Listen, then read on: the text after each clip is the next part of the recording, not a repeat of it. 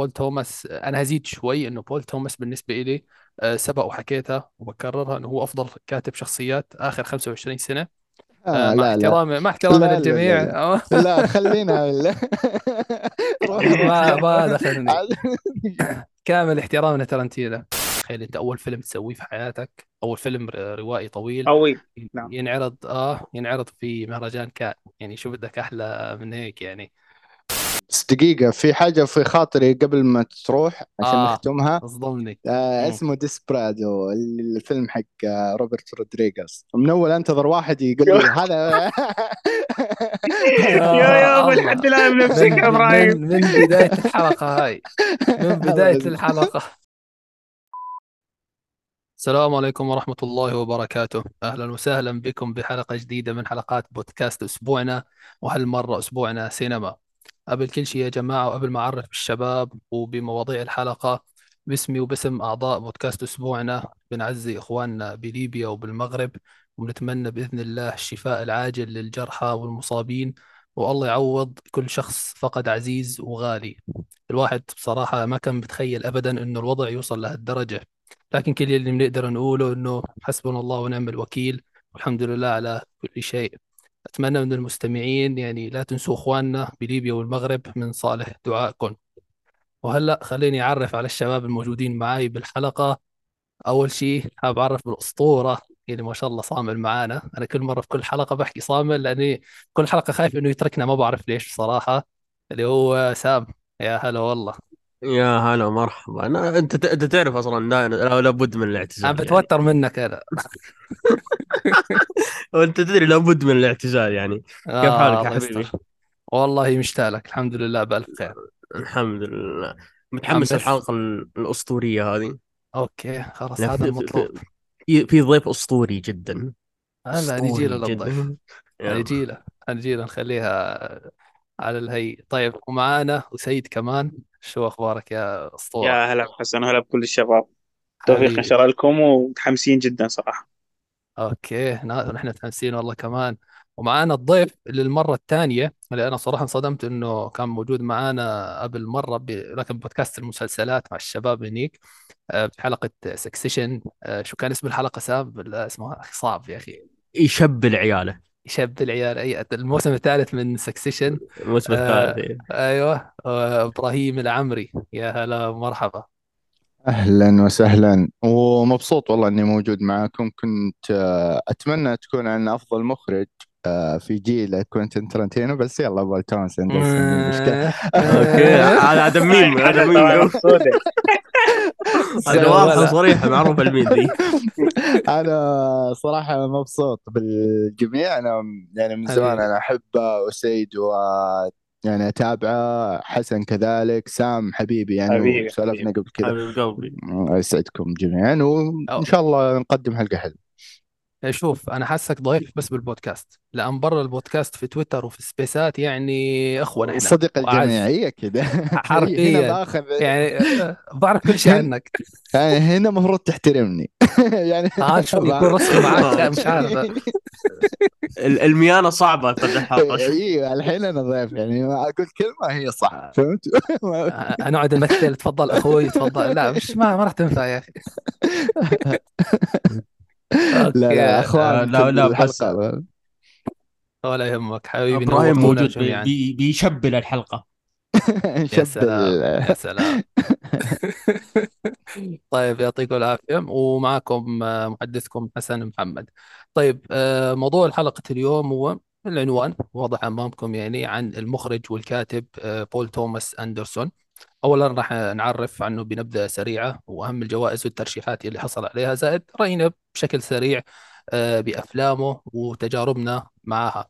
لكن طبعا قبلها راح يكون عندنا فقرة بسيطة آه، مع إبراهيم آه، ندردش فيها شوي عن آرائه في السينما وأذواقه. اللي أنا بعرفها اوريدي لكن ممكن أنتم ما بتعرفوها تمام.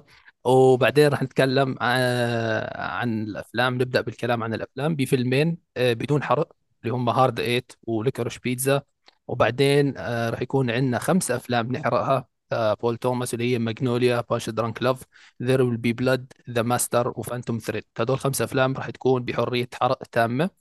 آه، ممكن حد يسأل طيب وين Inherent Vice أو Boogie Nights بصراحة حسينا إنه الفيلمين هدول هم أضعف أفلامه. يعني في بعض في بعضنا مش شايفينه فما راح نطلب من الناس إنه والله تتابعوا الفيلم والفيلم فيه كتير يعني أشياء ما لها داعي فمشان هيك آه، ما راح نضيع جزء كبير من الحلقة إنه نتكلم عنه. فبإمكانكم أنتم تشوفوها على راحتكم يعني هذا موضوع ثاني آه، والفقرة ما قبل الأخيرة هي فقرة أسئلة بين بعضنا طبعا لو ساعدنا وقت الحلقة أن نسألها اللي عنده أسئلة من الشباب طبعا آه، اللي حابب يسألها للأعضاء التانيين. وأخيرا عندنا فقرة المشاركات والأسئلة من المستمعين اللي وصلتنا منكم. طيب قبل ما نبدأ آه، لا تنسوا إخوان تقييم البودكاست لو أنت بتسمعنا من المنصات آه، وإذا أنت بتسمعنا من اليوتيوب لا تنسى الاشتراك لو كنت مو مشترك آه، وبالنهاية لو عجبتك الحلقة لا تنسى تدعمنا ب like ومن فترة بدأنا مشوارنا بال Patreon اللي حابب يدعمنا مشان نطور محتوانا وراح يكون في إن شاء الله حلقات خاصة للداعمين الحلقات ثلاث ساعات وأربع ساعات فيعني إذا حابين الرابط تحت بالوصف تمام؟ وهلأ خلونا نروح لفقرة الضيف ونحقق شوي مع إبراهيم. طيب مم. إبراهيم حلو. حكينا عن جوك في الأفلام. شو شو أكثر شيء أنت بتحب تشوفه؟ جوي أنا ب- بشكل عام في الأفلام آه، أنا أ- أشوف كل شيء تقريبا بس ما ما, ما أقدر أقول إني آه، متعمق للدرجة اللي رحت بعيد في الكلاسيكيات. لا عندي اطلاع حلو آه، على قدي يعني اللي أنا حابه.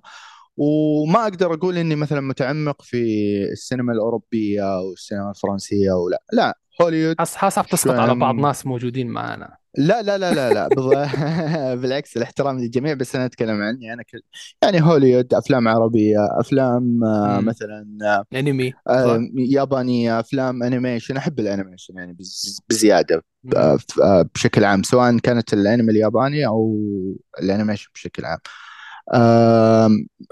تفضيلي دائما يكون للأفلام اللي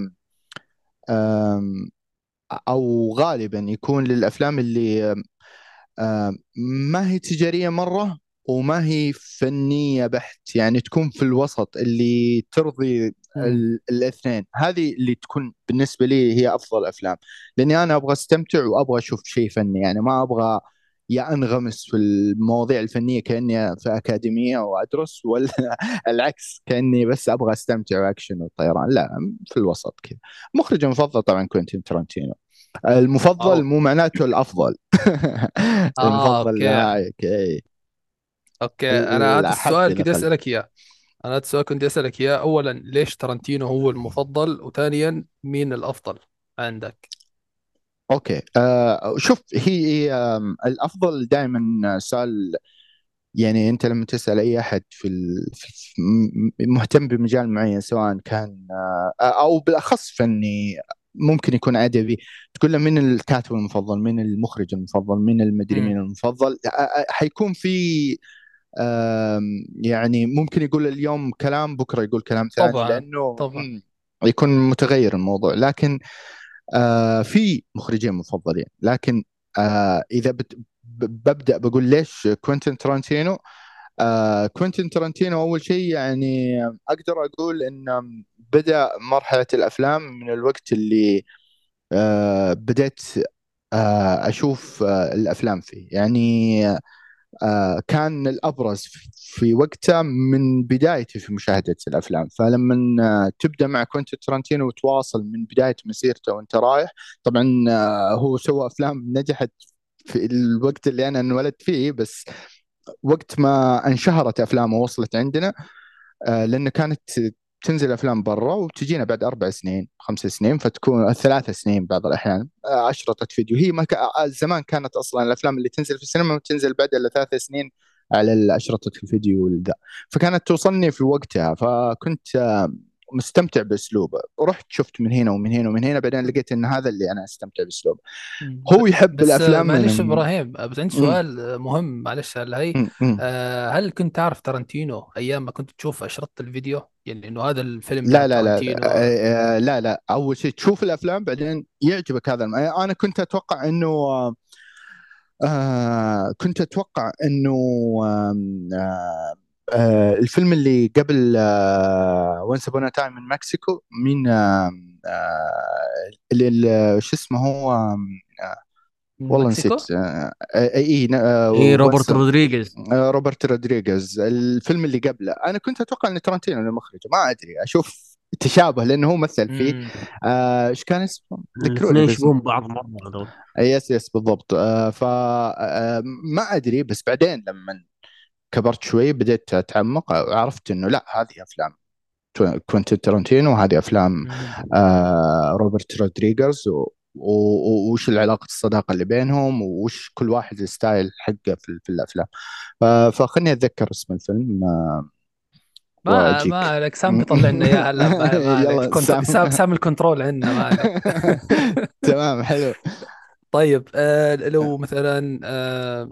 هلا أنا ممكن أحكي إنه تارانتينو ممكن يدخل عندك top أفضل عشر مخرجين في من أفضل وليس المفضلين شيء طبيعي طيب إيه لو طبيعي. جيت حكيت لك مثلا أعطيني آه بدون ترتيب ما راح أتقل عليك يعني مثلا مم. top 3 top 3 لكن بدون ترتيب أفضل بتحس إنه فعلا آه في الإخراج أو أو على صعيد الكتابة يعني آه هو بيستاهل آه من ترتيب الجيل نفسه ولا ناس لا أكبر؟ أو- بشكل عام بشكل عام. ما الجيل بعدين شوف. نجي أو- أو- أوكي. آه، أنا لو بقول مثلا آه، top 3 ب- آه، آه، كوينتين ترنتينو ما حيكون في ال top 3 ما بس آه،. أي أي صعب أنت تقول لأنه في جهابذه قبله.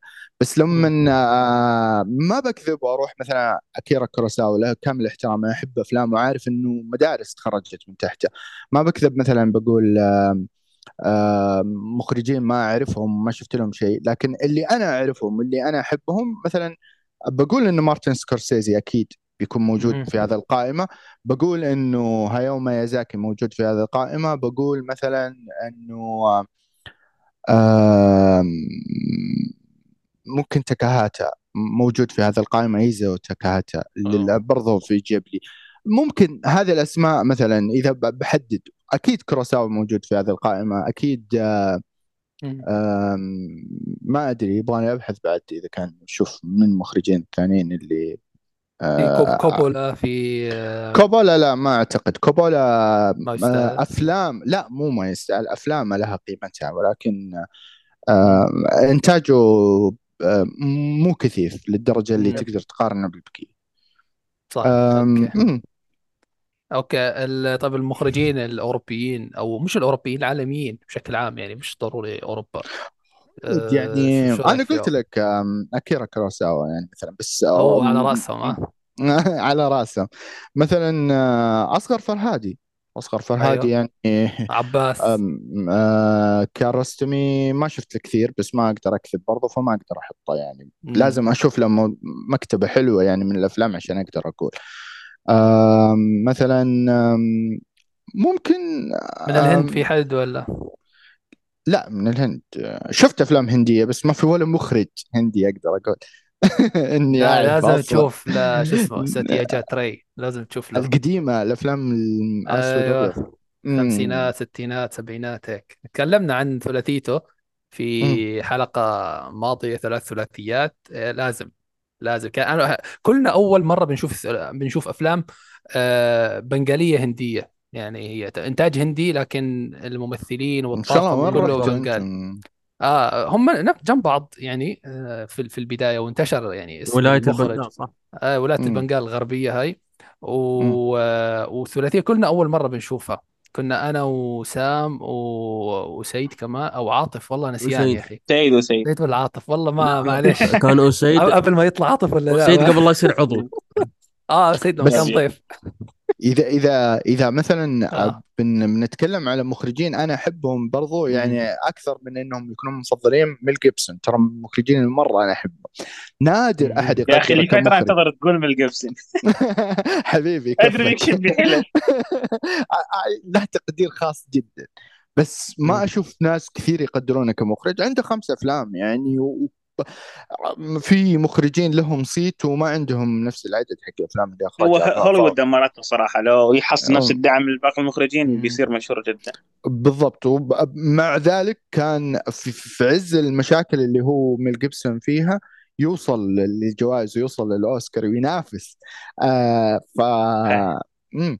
آه سيرجيو ليوني برضو إذا بنتكلم عن القديمين يعني في في أسماء nice. كثيرة والله صعب إنك يعني آه، في مخرج أيوه. آه أتوقع إنه درجة ثانية جورج روميرو. لازم أذكره.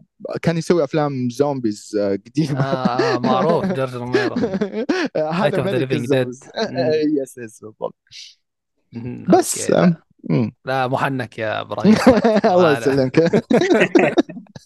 يعطيك يعافيك.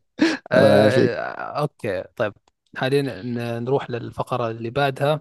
اللي هي فقرة التعريف عن المخرج. طيب راح نبدأ ن- نعطي شوية نبذة بسيطة عن المخرج وبعدها بنسالكم عن تجاربكم بشكل سريع معه تمام على أساس أو واحد يحكي لنا مثلا رأيه بشكل سريع هل هو آه، مخرج بالنسبة له قوي شو اللي بيميزه شو اللي ما بيميزه عيوبه الأشياء بالنسبة له. لكن خلينا نبدأ أول شيء فقرة التعريف. آه، بول توماس طبعا من المخرجين اللي بدأوا في التسعينات مع تارانتينو وديفيد فينشر. وويس أندرسون وكثير مخرجين تانيين كمان مع صوفيا كوبولا اللي حسب ما أتذكره يعني. آه، صنع إلى الآن تسع أعمال آه، وما زال مستمر لكن ما أعتقد في أي خبر عن فيلمه القادم إلى حد الآن. آه، ترشح بول إلى 11 جائزة أوسكار يا جماعة. خمسة منها كانت على الكتابة وثلاثة منها على الإخراج وثلاث مرات لأفضل فيلم ما فاز بأي واحدة هذا طبعا من جرائم الأوسكار اللي لا تغتفر يعني. على مستوى البافتا أيضا ترشح لثمان جوائز وفاز مرة وحيدة على نص فيلم Licorice Pizza. آه، فاز بالأسد الذهب بالأسد الفضي آه، كأفضل مخرج عن فيلم The Master بمهرجان البندقية. آه، بالإضافة للدب الفضي على فيلم There Will Be Blood والدب الذهبي على ماجنوليا يعني هاي تقريبا أكبر جائزة أخذها الدب الذهبي من برلين. آه، ومن مهرجان كان فاز بس بأفضل مخرج أفضل مخرج عن فيلم Punch-Drunk Love يعني جوائزه مش كتير آه، wow يعني. آه، طيب حاليا خلينا نشوف رأيكم. أسيد أعطيني رأيك آه، يعني بشكل مختصر عن بول توماس شو بتحبه ولا ما بتحبه أفلامه كذا رأيك فيه يعني تجاربك. أحب لو ما أحب أنا أكيد أحب PTA يعني الوحيد من الهوليووديين اللي يسوي أفلام أنه يجمع الفنية ويا أو الوحيد من القليلين اللي يجمع الفنية ويا المتعه ويا الأفكار الجديدة. وككاتب هو كاتب عبقري ودائما نذكر أفضل الشخصيات اللي كتبت آخر 20 سنة 25 سنة لازم يكون من ال top شخصيات ال PTA علاقتي فيها شوية كونيتش آه، مضطربة يعني. مرات أتابع له فيلم وأقول أكثر مخرج overrated وبعدين أتابع له فيلم وأقول لا أنت أفضل مخرج حي. فيعني عندي تضارب شوية بأفلامه بس بشكل عام هو يعني من المخرجين العظماء الأحياء okay ممتاز يا سلام شوف الاختصار والخير الكلام ما قل ودل يا عيني. طيب. تقصد يعني أنا سالف واجد يعني لا لا لا أنا قصدي واحد ثاني هلا بعد شوي راح أحكي آه سام شو أخبارك؟ الحمد لله يلا شوف أعطينا الصراحة- آه آه، يعني انتهى انتهى بعد زي لا تتكلم. آه،. صراحة بول توماس آه، يعني مع توجه الحالي صراحة هو واحد من أفضل المخرجين في في هوليوود. آه، حتى مع أسلوب الكتابة آه، هو من نوعية المخرجين اللي اللي ياخذ راحته من الكتابة والإخراج بس عشان يقدم لك عمل آه، عظيم. مو بكل أعماله صح عظيمة في بعضها اللي ما تدري وش تبي بس إنه يعرف وش يقدم. وهو لا يزال من من الأفضل هو عنده مسيرة يعني آه، خلينا نقول إنها من الافضل حتى لها أفلام حتى من الافضل في تاريخ السينما يعني فبس. يا سلام ما عرفتك يا سام؟ okay يعطيك العافية. طيب إبراهيم تفضل. آه، طيب okay. آه، بول توماس أندرسون يعني مخرج أقدر أقول آه، علاقتي معه نفس ما قال أسيد مضطربة شوي ولكن ما أقدر أنكر أنه من أفضل المخرجين في جيل. مخرج آه، رائع جدا عنده لمساته عنده style معين آه، تعرف أنه هذا هو آه، بول توماس أندرسون. سواء كانت ال- الموسيقى المزعجة اللي يحطها كأنها ضرب القدور هذه شفتها في أربع أو ثلاث أفلام. شفتها في اللي هي في The Master شو تسمعها في Punch-Drunk Love تسمعها في There Will Be Blood تسمع عنده نفس ال style اللي يعطيك عدم ارتياح وكذا. في الصورة في الهدوء آه، في المشاهد ورغم من الهدوء هذا الممتع اللي ما تقدر تقول إنه لا أنا طفشت لا هو يبني لك على تصاعد. فعنده style متميز في كل أفلامه آه، تقدر تعرف إن هذا هو صاحب الرؤية. آه، مو جاي يشتغل أفلام آه، متسو متسوية له وخلاص آه، على حسب ال style الفيلم نفسه أو الكاتب نفسه والى آخره. آه، يعجبني آه، يعجبني كيف هو مهتم بالتفاصيل يعجبني كيف آه، يطلع أداءات كويسة من الممثلين. يعني شفنا آدم ساندلر كيف طلع منه أداء ممتاز؟ دي آه بول دينو في بداياته كيف طلع منه أداء ممتاز؟ كيف في آه حتى الولد الصغير هذاك اللي كان في Be Blood ما أدري وش اسمه الممثلين اللي أول مرة حتى في Phantom Thread اللي اللي يطلع منهم أداءات جميلة تحس حتى في Licorice Pizza يعني آه، yep، ممثلين هو جاب. مغني. جاب مغني وسواها ممثلة. يا أخي هو يعني حتى ذاك يوم كنت أفكر بيها إنه. إذا مثلا تبحث عن أفضل أداء الممثل وتلقاه مثل مع PTA فأكيد هو أفضل أداء سواه بحياته ويا ال PTA بال- بالضبط بالضبط. و يعني حتى م- آه، آه، رغم إنه الآن واكين فينيكس يعتبر من عتاولة الممثلين بعد أفلام يعني خلينا نقول الجوكر رفع أسهمه شوي حبتين صح. ولكن كان عنده أداءات رائعة مع آه، أو خلينا نقول أداء رائع لأنه إي ف آه، عنده عنده عنده شغف بالشيء اللي يسويه حتى في مجال الصورة مجال ال... آه رائع جدا. وما تحس إنه فعلا متشرب من هوليوود القصص ال- المبتذلة ولا ال- ال- ال- البسيطة السهلة اللي تمشي السوق. لا عنده عنده عنده عنده شغف بالشيء اللي يسويه. فمخرج رائع ما تقدر تتكلم. طبعا نسينا ماجنوليا والأداءات اللي كانت توم كروز ممكن في الفترة اللي سوى فيها ذاك الأفلام ممكن تقدر تعتبر إنه أفضل أداء ماجنوليا ف أتفق والله. هو هم من من المخرجين المحظوظين اللي عنده حرية إبداعية كبيرة بحيث يعني هو الكاتب وهو المخرج. وشركات الإنتاج وراه والممثلين وراه. فتحس إنه هو أيضا يعني عنده ذيك الحرية الإبداعية عكس مثلا كثير مخرجين إنه يكونوا محصورين بنطاق معين لا هو يجرب هواية ويسوي هواية يعني. فأكيد دائما كل كل فيلم له تحصل به شعور مختلف ولا ومع تشابه الستايل أكيد يعني. شعور مختلف مع ذلك تعرف آه، في شيء متشابه شيء بالضبط، قريب إي بالضبط. آه، بضيف بس إنه حتى أنت متى تعرف إن الممثل آه، مرتاح مع المخرج وإن المخرج يعني كويس؟ لما تشوفه مثل معه في أكثر من دور فتلقى واكين. مثل مع فيليب آه، شو اسمه تيمور هوفمان. أي- أيوه ما- يعني تلقاهم أكثر من مرة جو معاه فارتاحوا. معاه كمخرج تعرفوا والله في نقطة ذكرتوها أنتوا الاثنين عن موضوع إنه آه لو تشوف مع الممثلين اللي طلعوا معاه أكثر من مرة أو مع بعض الممثلين يعني إنه أف... غالبا ما يكونوا أفضل أداء لهم هم مع أف- بأفلام مع يا رجل مو. غالبا أكيد آه يعني مثلا دي لويس مثلا خواكين فينيكس فيليب سيمور هوفمان آه شو اسمه توم كروز آه آدم ساندلر آدم توم ساندلر. كروز توم كروز يعني يعني إلى أقدر أختلف آه. أقدر أختلف معاكم في دانيال دي لويس وأقدر أقول إن الأداء الأفضل عند سكورسيزي ولا ما يل- ما الممنوع آه أوكي لا. لا تقصد أي واحد أفضل أداء جانجز في نيويورك آه، جانجز أوف نيويورك. أوكي. لا. بس بس شوف آه، لا وين؟ غير بلاد ليفل ليفل ثاني يعني صح يعني صح صحيح صحيح يعني صحيح. أنا أنا توقعتك تحكي مثلا ماي ليفت فوت ممكن اي ما. توقعت؟ صح، أو صح، صح. اوف ذا فادر قلت واحد منهم يعني آه، آه، يس آه أوكي. بس ذير بي بلاد يا أخي شخصيته كانت مثالية حرفيا الشخصية المثالية في الكتابة يعني. لكن هنحكي هنجي هنجي نحكي. جاي لكن جاي. باختصار لكن باختصار آه، أنا أتفق معكم. تماما. آه، بول توماس آه، أنا هزيد شوي إنه بول توماس بالنسبة لي آه، سبق وحكيتها وبكررها إنه هو أفضل كاتب شخصيات آخر 25 سنة. آه، آه مع لا لا. احترامي مع احترامي لا، لا، للجميع. لا، آه، لا خلينا روح. ما ما دخلني. كامل عشان احترامي الحلقة باسم المخرج فما ما نتكلم. نتفاهم بسبيس بعدين وأنا وياك برايك أوكي. لا والله جد أنا أنا أنا بحب تارانتينو. تارانتينو كاتب خرافي لكن مشكلتي معاه ما- كانت وما زالت هي نهايته ب- بكتابة الشخصيات وبالأفلام عموما.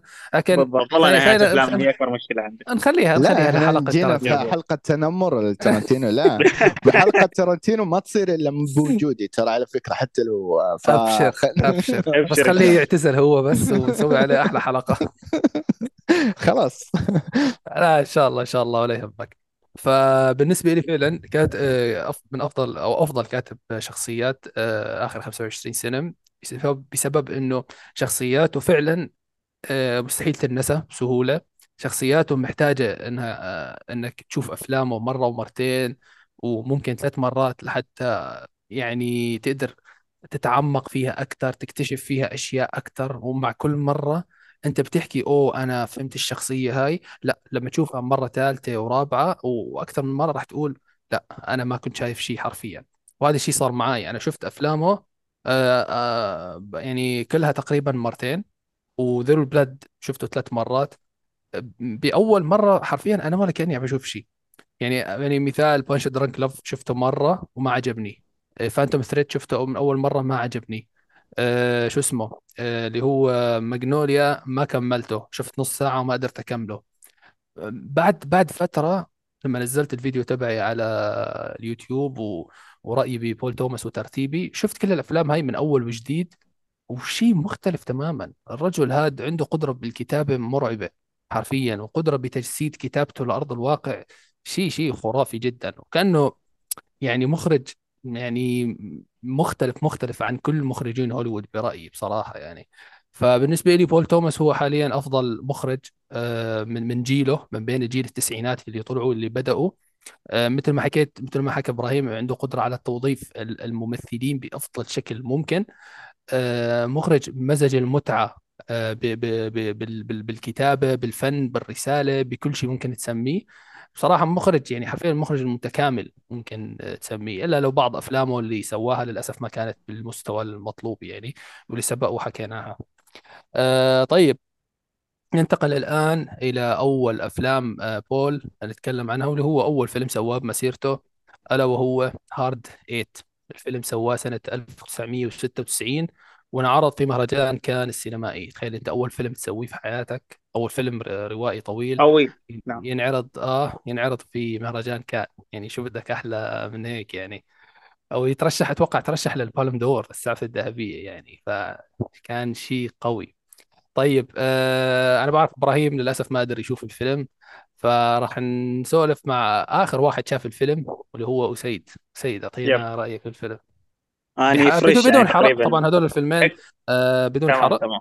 بعدين رح نحرق. تمام. آه الفيلم fresh بعد بذاكرتي يعني شايف لي صار لي تقريبا أربعة أيام خمس أيام من شفته. أو أكثر شوي يعني أسبوع بس يعني بعدني أتذكر وايد أشياء بيه ومع ذلك يعني هو مو من الأفلام اللي تعلق بالذاكرة. يعني هو إذا تأخذ فيلم مستقل واحد كفيلم جريمه فهو فيلم ممتاز. يعني بيه سيناريو جميل وشخصيات حلوة ويعني حتى كتصوير وكأمور كثير فنية حلوة. بس من تقارنه باقي أفلام PTA لا يعني هو فيلم ما يعلق بالذاكرة يعني ينسي بعد ما تخلصه تقريبا يعني. آه،. ولكن تقدر تلاحظ بيه إنه هو يعني بداية آه، انطلاقة يعني كاتب ومخرج آه، ذكي وشاب ويعني هو سوى الفيلم كان عمره يمكن 24 أو 25 سنة يعني كان صغير. هو سوى Boogie Nights وعمره 26 صح. فيعني. كان صغير. فهو يعني تقدر تلاحظ بيه إنه بداية اسم قوي يعني داخل الساحة.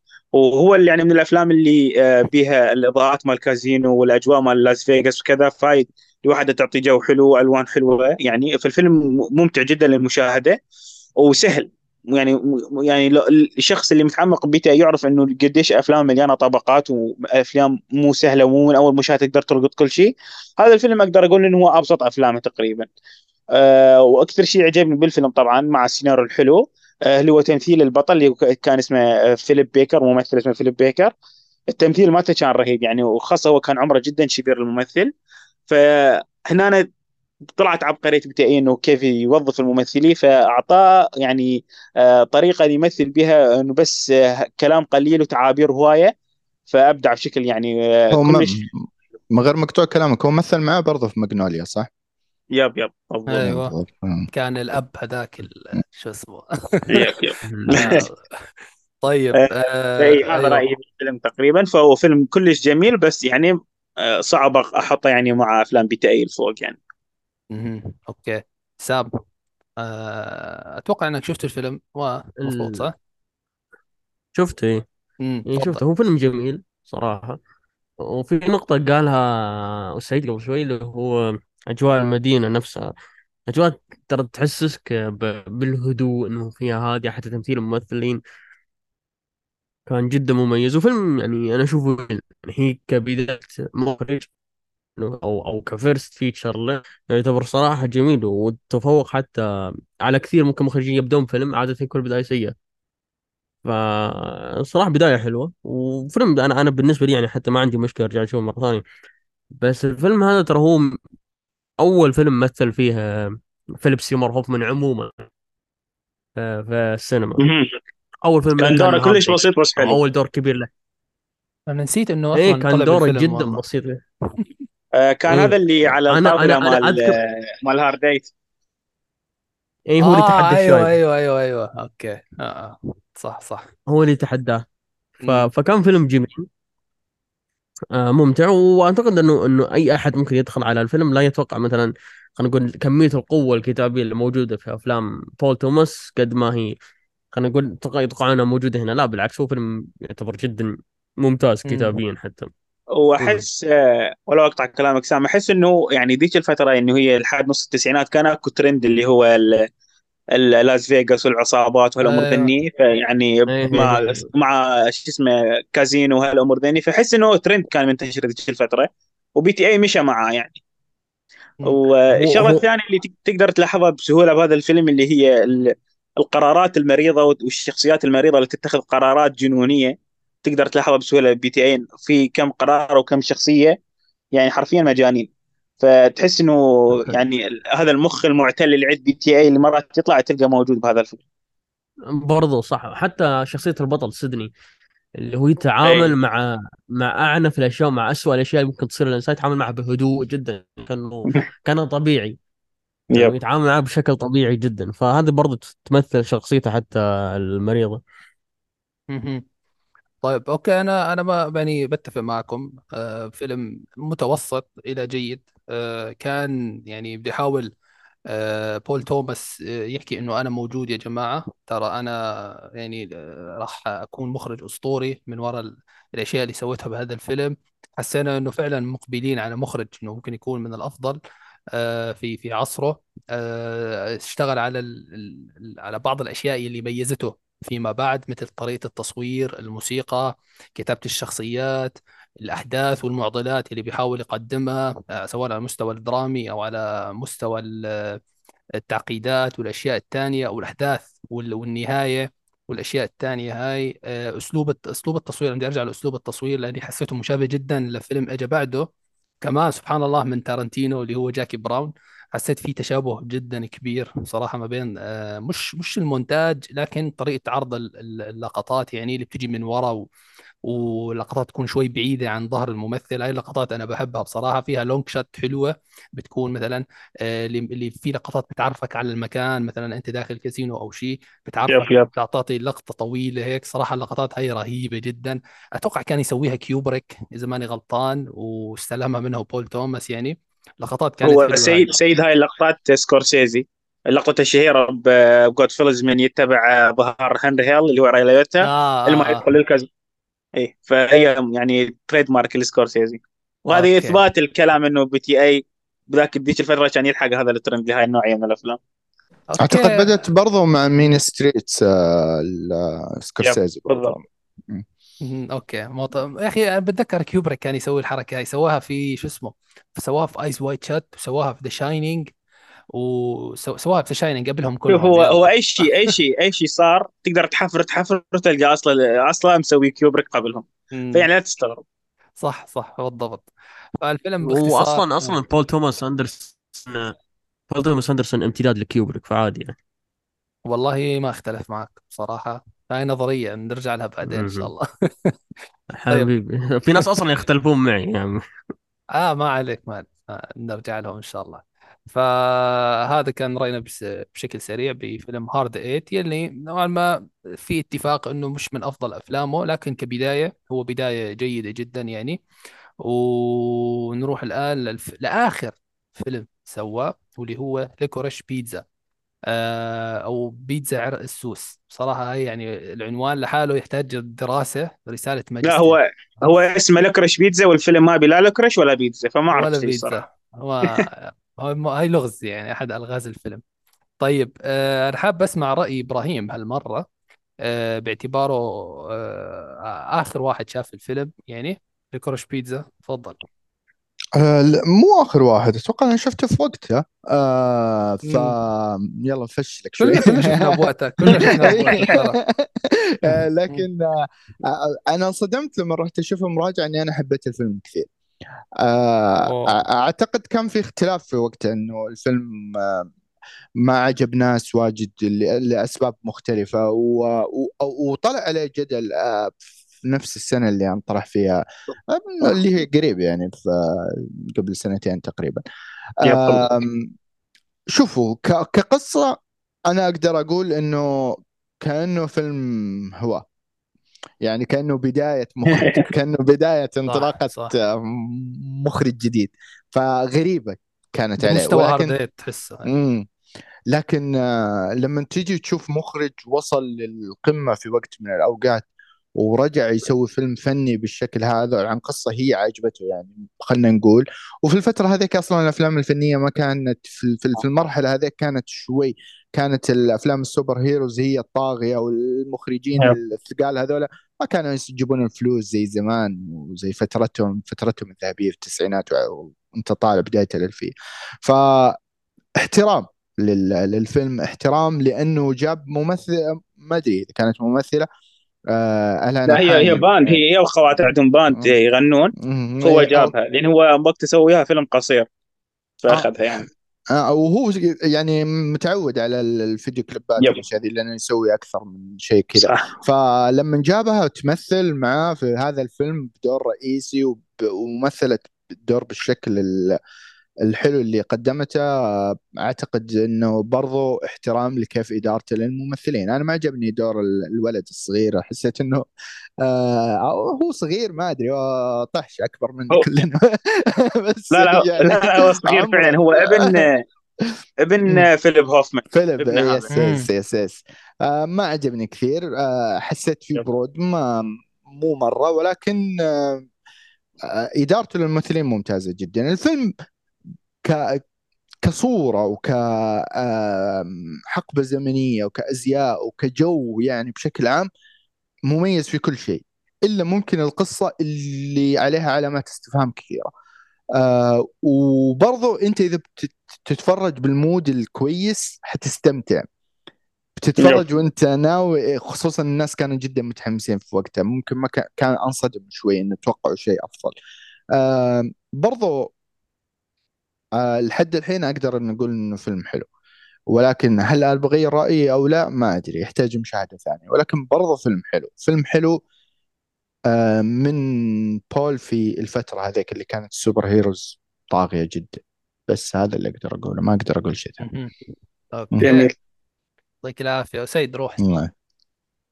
آه والله بعض Licorice Pizza أتوقع هو أقل أفلام تفضيلا لي ل PTA وأنا كنت أحس انه أول ما شفته حسيت إنه مع الوقت الحين تكبر قيمته عندي. صار العكس صراحة إنه حسيت إنه لا آه، فعلا هو يمكن أضعف أفلامه. حتى يعني كارتباط بي كان كلش ضعيف يعني. بس أقدر أقول يعني هو كفيلم هو باع أكو أفلام اللي هي ال hangout movie اللي يسووها المخرجين على مود يعني تبقى إلهم و cult classic يصير بالمستقبل مثل فيلم Rio Bravo وفيلم آه، شو اسمه Dazed and Confused هذين مال الأفلام اللي تكون يعني أبطالها مراهقين وبيروحون بمغامرة معينة بغض النظر عن جودة ومنطقية الأحداث. وهاي بالمستقبل تصير الناس تتبعها وتحبها. فأقدر أتصور إنه Licorice Pizza يصير من هاي الأفلام اللي يمكن بعد عشر سنين يشوف ناس ويصير يصير له ناس و fan أكثر بالمستقبل. آه، يعني هو يعني أحس إنه يكون شبيه ب The Big Lebowski بالمستقبل لأنه هو ما يعجب كل الناس بس اللي بعد ما تكبر الفيلم راح تحبه أكثر. آه، الفيلم ك يمكن لأن yep تفضل. يمكن يمكن لأنه ثقافة أو شيء. بالضبط إي. لأن إنه هو شيء متعرف بثقافته مرتبط في ب يعني.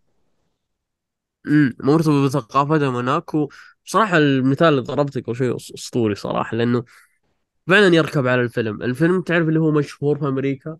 مشهور خلينا نقول عند هذه الفئة فئة معينة مثلا من الناس أو الثقافة. نفس مثلا أفلام ثيلما اند لويس وديزني ريفيوز زي كذا.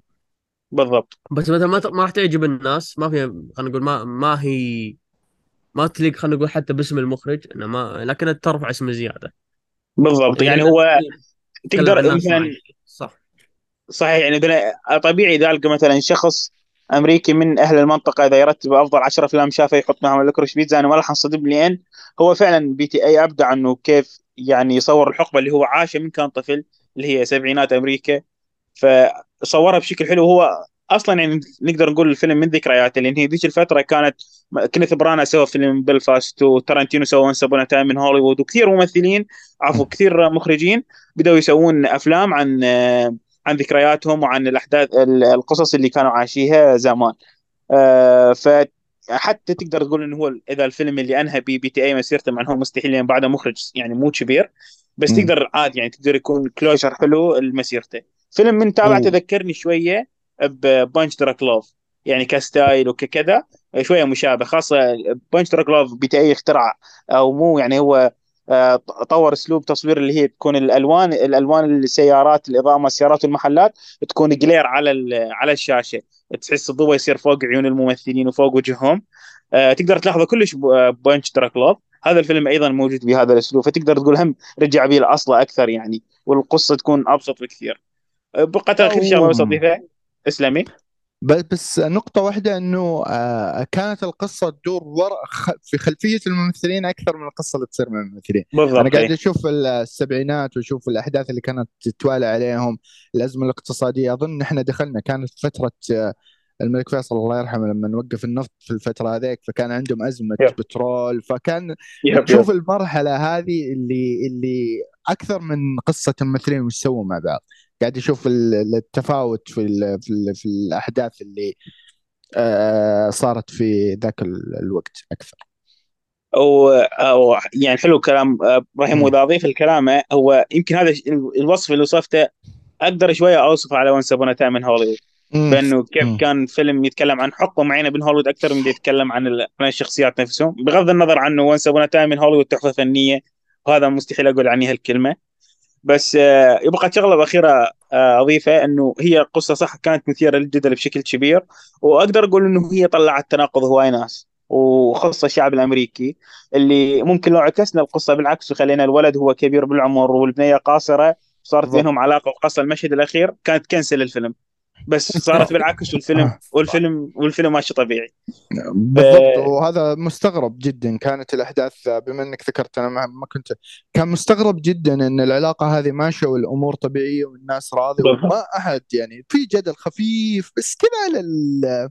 في ناس تدافع يعني في ناس كانت يب. آه، 100% ضد الأفكار هذه لكن لما صارت العكس ما أدري يا أخي هو الع... يا أخي لو الفيلم استمر على هاي الفكرة إنه فقط تلميحات وفقط مشاعر وهالأمور ذني وانتهى الفيلم عليها ممكن يمشي بس آخر مشهد بالفيلم دمر كل شيء يعني.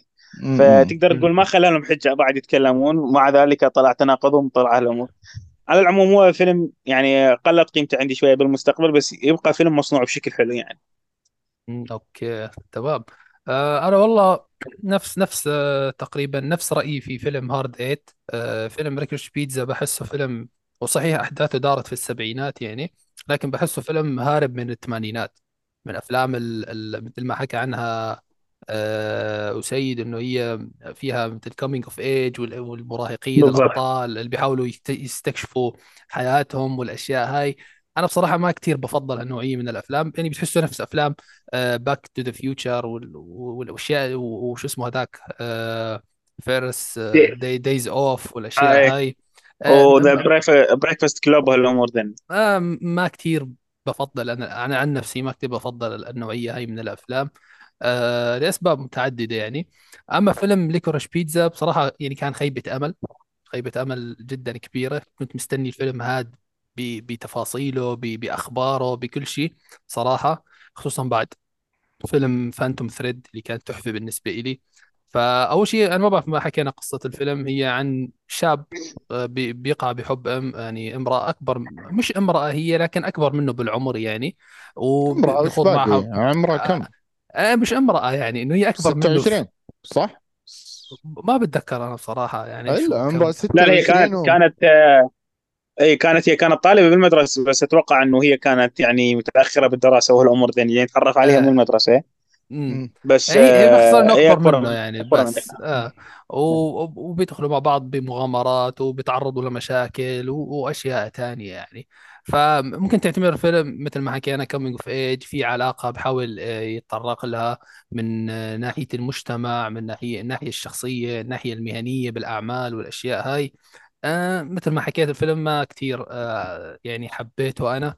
كان خيبة أمل بالنسبة إلي وين كنا شايفين بول توماس بأفلامه الماضية ب Phantom Thread The Master والأشياء هاي يجي يعطينا هذا الفيلم. ما بعرف حسيت الفيلم يمكن شوي شخصي بالنسبة له آه بالضبط. إنه أفضل وصف يعني لنا هو فيلم شخصي. يعني هذا فيلم كل كل مخرج تقريبا لازم يسوي فيلم شخصي له في مسيرته يعني يذكره في ماضيه يذكره في طفولته يذكره في حياته. آه فبس يعني هاي آه باختصار بالنسبة هو أكو لنا مم. آه، بس أكو شغلة موجودة بكل أفلام PTA وكلش مبينة بهذا الفيلم إنه PTA يرمي لك ممثلين بس ما قوية بأحداث ما لها دخل بالقصة يعني هيك آه فجأة يرميهم يعني يا جماعة ترى ترى شون بين وبرادلي كوبر وتوم ويتس كلهم طلعوا بالفيلم فهيك يعني فجأة أنت. تتابع فجأة تلقى اسم كبير على الشاشة وده يمثل شخصية فيعني هاي أيضا شغلة حلوة إنك تكون تنتظر أسماء قوية. أتوقع كمان برادلي في كوبر أتوقع. أحسن دور آه، يعني ثانوي قدمه في مسيرته؟ yep yep. مم. أكو شغلة غاثتني أكو شغلة غاثتني بالفيلم. بال trailer. طلعت لقطة إنه هو يكسر القزاز مال السيارة. وبالفيلم ما طلعت. هاي واحد نقص من هالنجمه ترى. كنت أنتظر هاي اللقطة تطلع وما طلعت. أوكي طلعت من النوع اللي بيشوف trailer ات يا سيد و... يا أخي نزل trailer ال PTA مشوفة حرام عليك. والله لا خصوصا أنا أنا trailer سكورسيزي ترى Killers of the Flower Moon ما شفته ولا trailer والله دون العظيم ذا الثاني قاتل نفسي ما أشوفه ترى. أنا مستحيل أحب ما ما ال trailer ات أنا عكسكم أنا أستمتع فيها أشوفها ما عندي أي yep مشكلة. yep والله شوفها بعد الفيلم قبل الفيلم. لا أنا أشوفها قبل الفيلم بعد الفيلم. عليك. لا في آه ترى هم أذكياء برضه يعني هم صناع أفلام فهم بيقدمون أشياء. صح في صار في غباء في صناعه ال trailer ات وزمان كانت. غبية مرة لما كان يقول لك القصة يجي واحد يتكلم يقول لك صار كذا yep وكذا لكن مؤخرا صار في ذكاء في طريقة صناعه ال trailer فبعض الأحيان حتى يتوهك شوي. فيس آه طيب آه الآن خلينا نروح للأفلام الخمسة اللي راح نحرقها اللي هي أول فيلم معانا واللي هو ماجنوليا. ماجنوليا من إنتاج سنة 99 واللي يعتبر هو ثالث آه تقريبا ثالث فيلم آه بمسيرة بول توماس. آه طيب مين حابب يبدأ؟ تفضل أسيد أعطينا رأيك في ماجنوليا. طبعا حاليا إخوان أفلام أفلامها كلها بحرق تمام؟ واللي ما شاف الأفلام اللي ذكرناها يعني يعطيك الصحة. إذا بدك روح لفقرة المشا... المشاركات إذا حاب تسمع مشاركتك إذا عندك مشاركة أو شيء أو إذا ما عندك مشاركة ولا شيء يعني يعطيك الصحة. آه شكرا. ومع السلامة. تفضل سيد. ودعنا كم مشاهد حاليا. أيوه. سامحنا. آه ماجنوليا أتوقع هو أول فيلم أشوفه ال PTA. يعني إنه كان أعرف PTA. yep أول فيلم أشوفه له. yep yep أغلب الناس تبدأ ب There There Will Be Blood لا أني يعني بديت بماجنوليا. وشايفه كلش من فترة طويلة يعني. فكثير من تفاصيله ما اتذكرهم بالضبط بس من الأفلام اللي كبرت قيمته عندي مع الوقت بشكل غير طبيعي. ودائما أقول إنه لولا نهاية ماجنوليا كان صار ثاني أو أفضل فيلم سواه PTA يعني. يعني فيلم ما أقدر أقول عنه. يا الله يا الله يا نهاية حلوة والله نهاية حلوة. يا رجل خلي يا يكمل رجل خلي والله. يكمل خلي يكمل أوكي يلا كمل. يعني من أسوأ النهايات بالنسبة لي. بس هسه بعيدا عن النهاية ماجنوليا أقدر أقول هو الفيلم ال epic اللي يعمله بول توماس أندرسون. الفيلم الملحمي الفيلم الكبير ثلاث ساعات مجموعة قصص وشخصيات كثير وأحداث كثير. بس كل كله معمول بشكل مثالي. القصة جبارة الأحداث خرافية يناقش فيها موضوع القدر والصدفة والحظ وهال بشكل غير طبيعي. حتى المشهد الافتتاحي مالته اللي هي مجموعة أحداث صارت بالصدفة من سنوات صار. يشوف الفيلم. ولا أنسى هذا المشهد الافتتاحي. مشهد خرافي هي أكل لأن أنت راح تشوف فيلم غير طبيعي فيلم ملحمي. ويعني جدا أحب هالفيلم. وأما بالنسبة للتمثيل الفيلم مليان ممثلين بس اتحداك تطلع واحد بيهم تقول عليه اداءه مو عظيم. يعني توم كروز آه، فيليب هوفمان آه، جوليان مور يا الله على ادائها. والانفعال اللي عندها بالفيلم. إبداع صراحة. فهو من الأفلام المفضلة لي. حتى الولد اللي كان حتى الولد والطفل. يا الله. رهيب. زعلت عليه آه، آه، شو اسمه و آه، أحيي توم كروز على هذا الفيلم. يعني هو كان سوبر ستار وكان طالع من توب جن وكان طالع من ميشن امبوسيبل وكان طالع من هو يعني الرجل هوليوود الأول كان بالأكشن. ختامية ال- سلسلة الدراما عنده وخلص دخل في مود الأكشن. تحسه هيك يعني. بالضبط اي فتحس إنه هاي بدا ملف جديد وهو يعني ما شاء الله وسيم فتحس إنه يعني خلاص هذا اللي هو السوبر ستار مال مال هوليوود. فجأة يعمل لك فيلم مثل ماجنوليا اللي هي شخصية ذكورية. ويطلع يتكلم بها بكل عنصرية. والله العظيم كوميديا غير طبيعية. مع إنه هو المشهد مو كوميديا بس يخرب بيت الجنون اللي سواه توم كروز بالفيلم. لا. وقبلها بسنة معروف بنفس السنة أعطاك Eyes Wide Shut فيعني اللي سواه آه، توم كروز جنون بذيك الفترة. يذكركم وأتوقع بمن؟ من ال- الشخصيات اللي عايشين معنا الحين. وكل الناس تتكلم عنها واسلم شخصية توم كرو مين؟ أي شخصية؟ شخصية حقيقية عايشة معنا يا أخي إيش اسمه لا، لا. الملاكم الملاكم هذاك اللي أنسجن؟ مين؟ آه. الشخص- الشخصية اللي مثلها توم كروز بالفيلم حية؟ آه. لا شخصية حقيقية؟ اللي... أي شخصية حقيقية. هذا الملاكم إيه. اللي أسلم شو اسمه؟ آه. ذكور تايسون؟ آه شو اسمه؟ آه آه أندرو تيت آه. أندرو تيت. كان حرفيا حرفيا أندرو تيت حقه كان The Matrix. أندرو تيت والله يا أخي شبه مو طبيعي. كان بس ناقصه يسلم بس. في الأخير آه يعطيك twist آه، والله عجيب يا أخي عجيب. ف وماجنوليا يعني من أكثر الأفلام اللي كبرت عندها قيمتي آه، قيمة الفيلم كبرت عندي مع الوقت.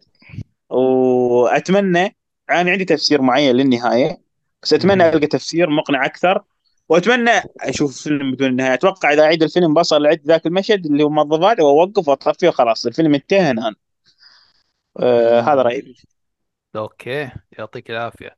آه إبراهيم روح. والله آه آه طبعا هو أول فيلم برضه نفس آه، أسيد بقلدك أول فيلم أوف. شفته آه، توماس أندرسون. شفته زمان على إم بي سي 2 وأنا صغير. آه. كنت أشوف الإعلانات حقته كانت تجي دائما آه توم كروز أنا أحب توم كروز. okay شكله فيلم أكشن رابط شعره. فشكل الوضع. حلو مرة. شكل الفيلم حلو مرة. طيب أروح أشوف الفيلم فيلم درامي بس حلو. في شخصيات تعدد شخصيات وال pace بس كم كان. عمرك إبراهيم؟ معلش آه، صغير صغير مرة صغير مرة. كيف ب- حبيت الشخصيات؟ وتعلقت فيها والأشياء هاي؟ آم، آه، كانت آه، أعلمكم آه، لا- لا، كنت في البيت ترى كانت الهواية إني أتابع أفلام. عندي فرشة صغيرة كذا وأحطها ما- ما في كنبات وليزي بوي وحركات. آه. فرشة كذا ومخدة وحط رجولك طيبين. وتابع و... و... واندمج مع الأفلام. أي فيلم تعرض القناه. تابعه للأخير. حلو. يعني. ف... فلما شفته عجبني. ويجي إعادة آه، نفس الأفلام اللي تجي مثلا 9 في الليل يجي لها إعادة الصباح. فلما ما يكون عندي مدرسة ولا شيء أجي وأشوفه مرة ثانية. وعاجبني طيب يعيدونه بعد شهر. أرجع أشوف الفيلم. حلو. عرفت كيف؟ أرجع أشوفه مرة ثانية أصل الاعاده حقته حلو أنا يمكن شفته خمس مرات أو شيء زي كذا آه. وشفته وأنا. كبير رجعت وشفت الفيلم مرة ثانية آه لدرجة إني ترى ما عدت لما تكلمت في الحلقة ولا شيء بس أتذكر كثير من تفاصيله يعني مو كلها أكيد بس أتذكر كثير من. تفاصيله أعرف آه،.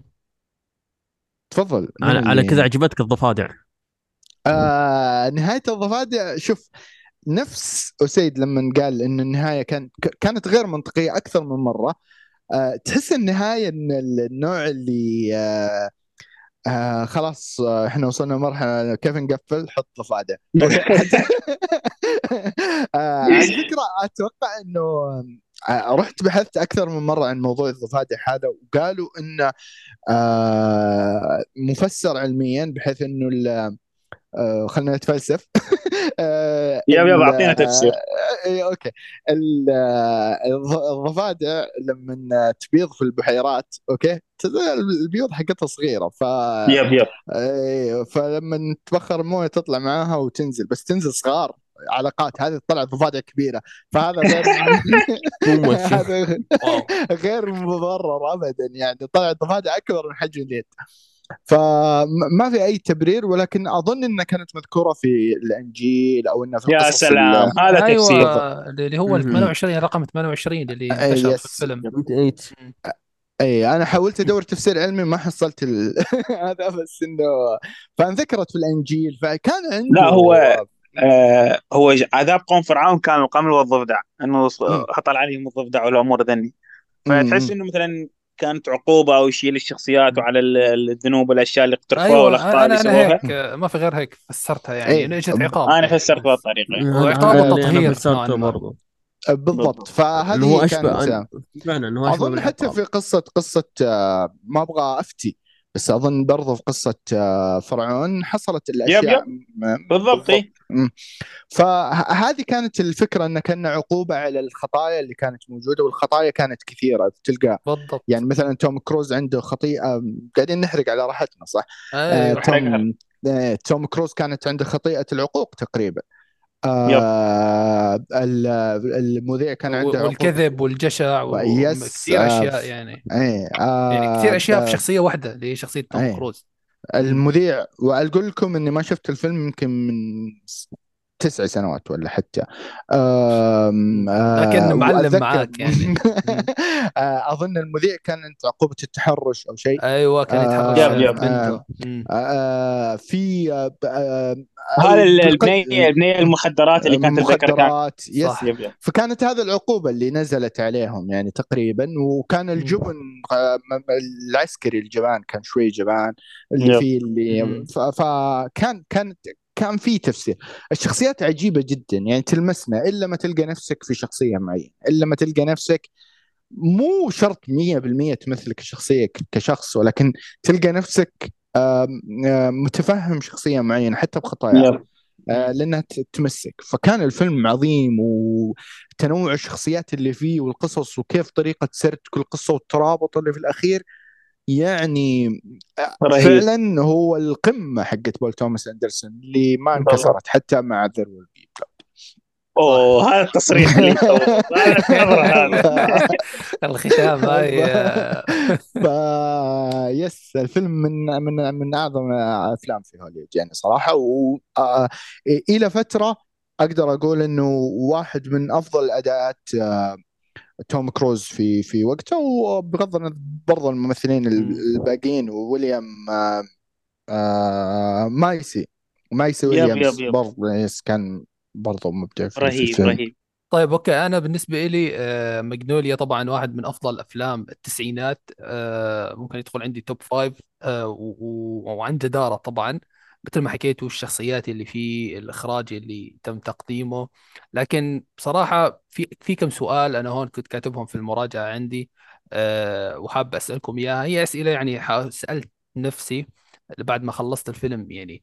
هل هل هل بول كان بيحاول يصحح بعض المفاهيم الاجتماعية بالفيلم؟ أم آه، كان بيحاول ينقد الذكورية أو بيوجه رسالة للآباء؟ أم أن الصدفة لها دور كبير جدا في حياتنا ومن المحتمل تكون سبب في مقتلنا وبنفس الوقت سبب في سعادتنا.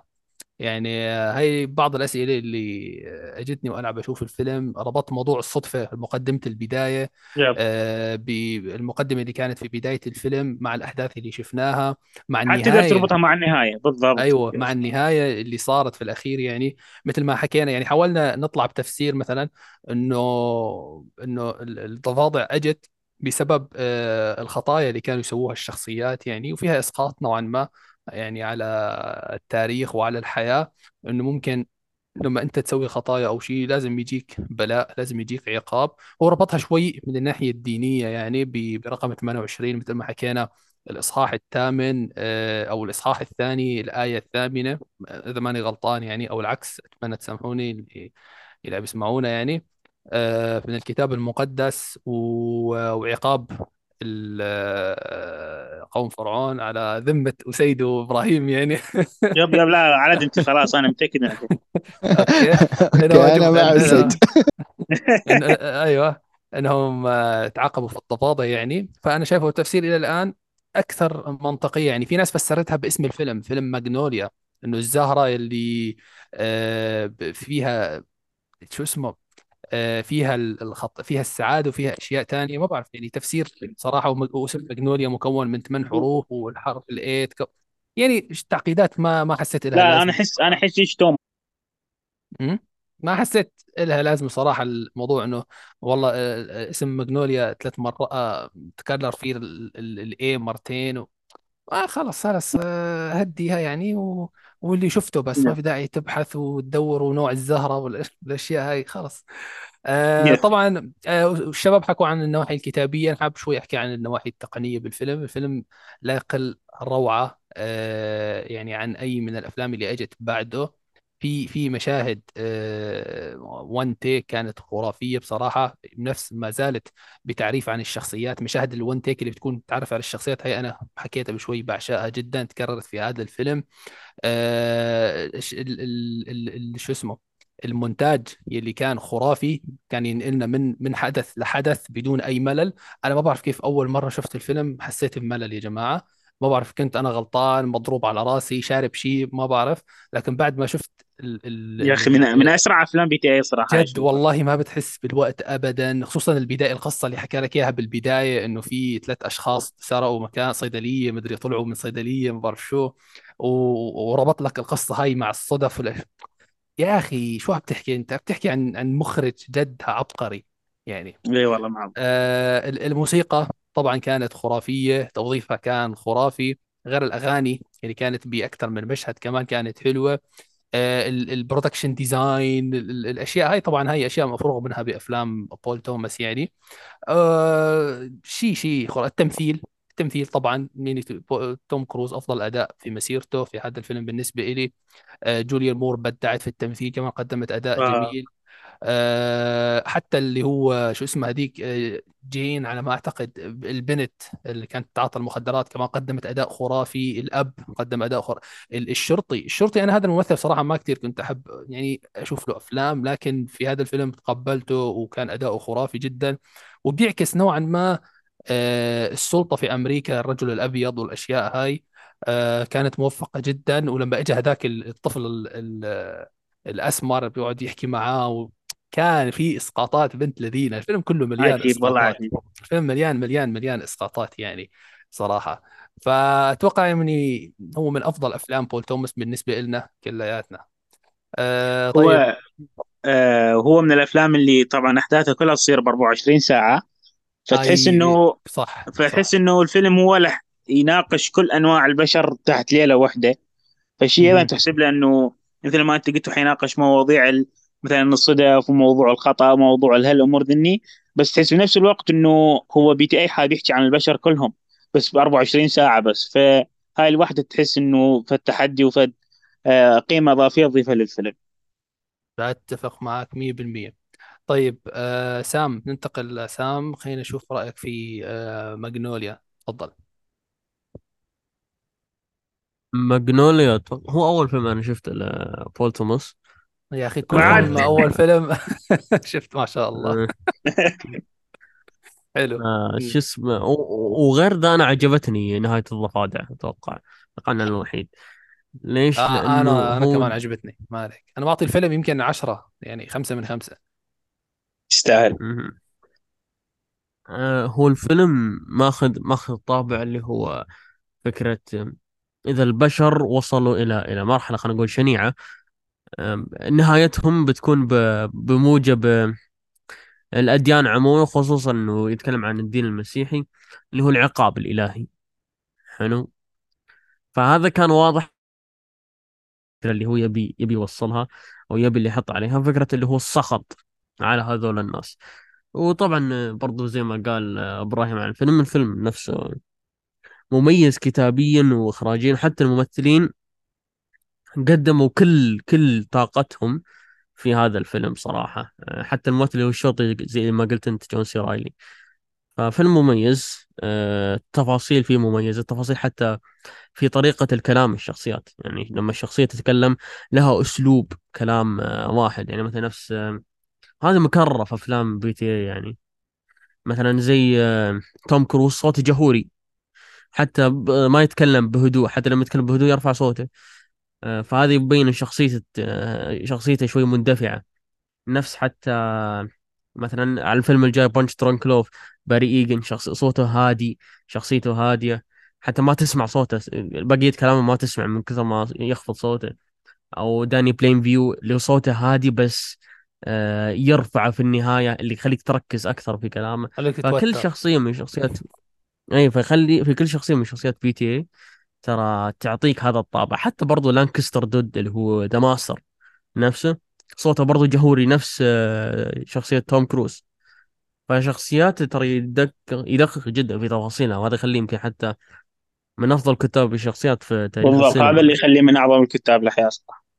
مهم. هذا يخليه أفضل من كوينتن. اسمح لكم يا شباب ما أسمح. لكم يعطيكم العافية.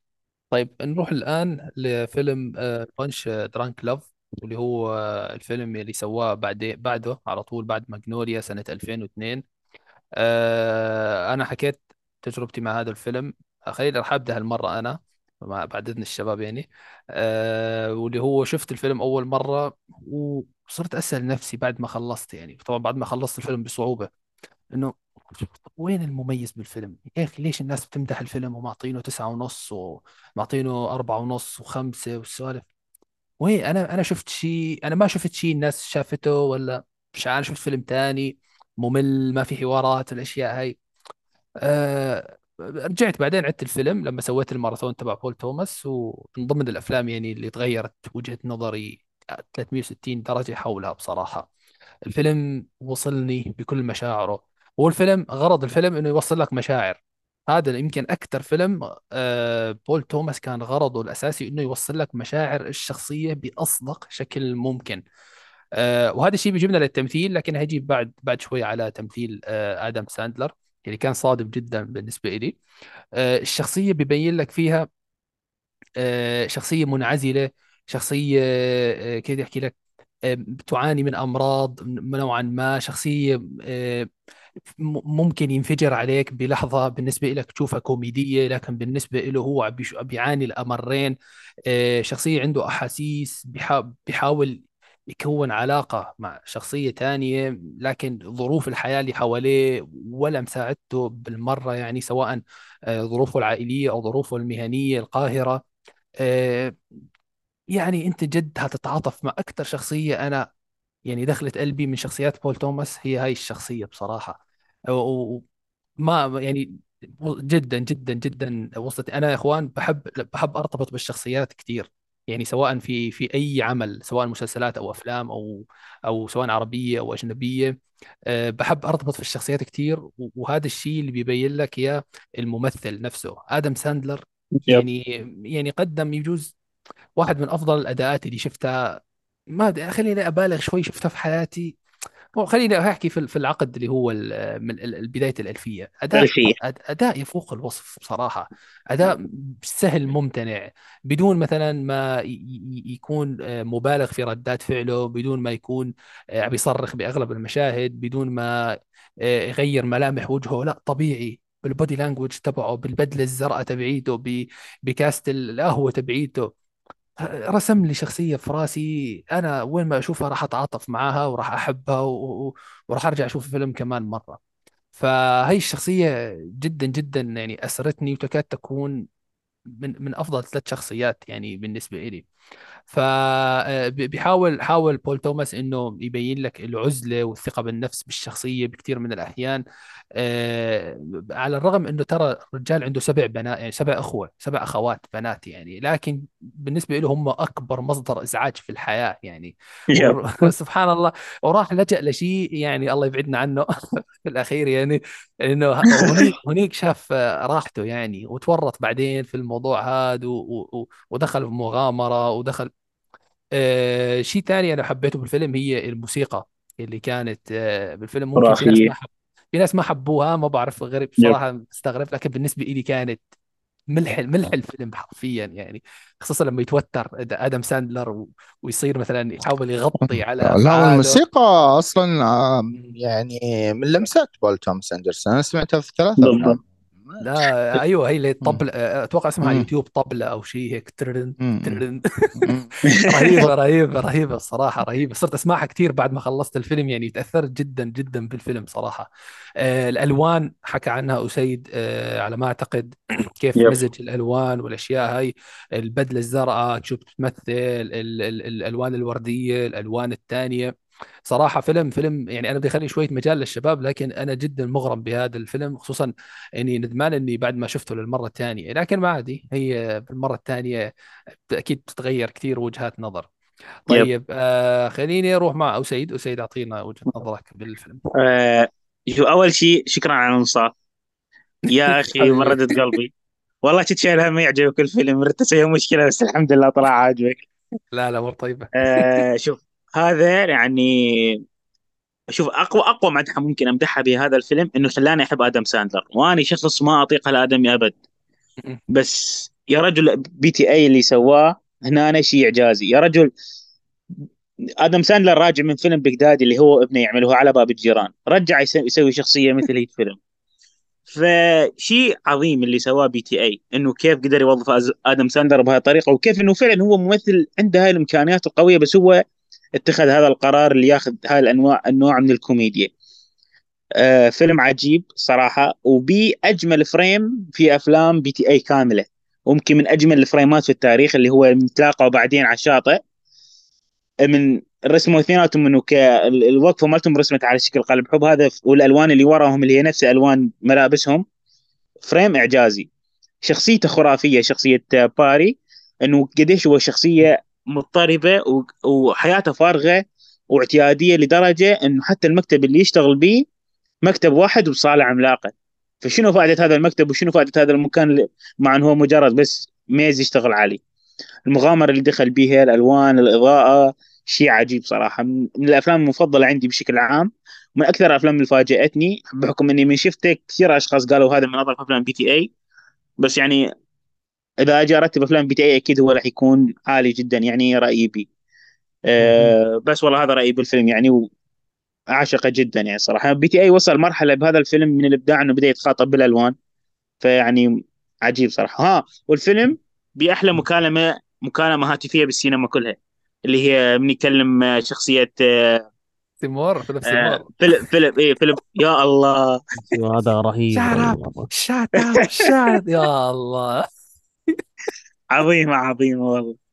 أنا أنا في نقطة بدي أحكيها معلش آه، المفروض كنت أحكيها آه، ببداية يعني رأينا عن بول توماس. بول توماس بيقدم لك كوميديا آه،. ما بتحس إنها كوميديا. يعني مثلا في مشهد هو بجوز ما قاصد إنه يخليك تضحك لكن أنت بتضحك من خلاله. سواء السيناريو اللي كان و- اصل هذا المشهد يضحك فعلا. أيوه أيوه. سواء كان يعني مشهد طبيعي عادي مشهد طبيعي. الغرض منه ليس كوميديا إنما الغرض منه بس عرضه. انت بتضحك عليه.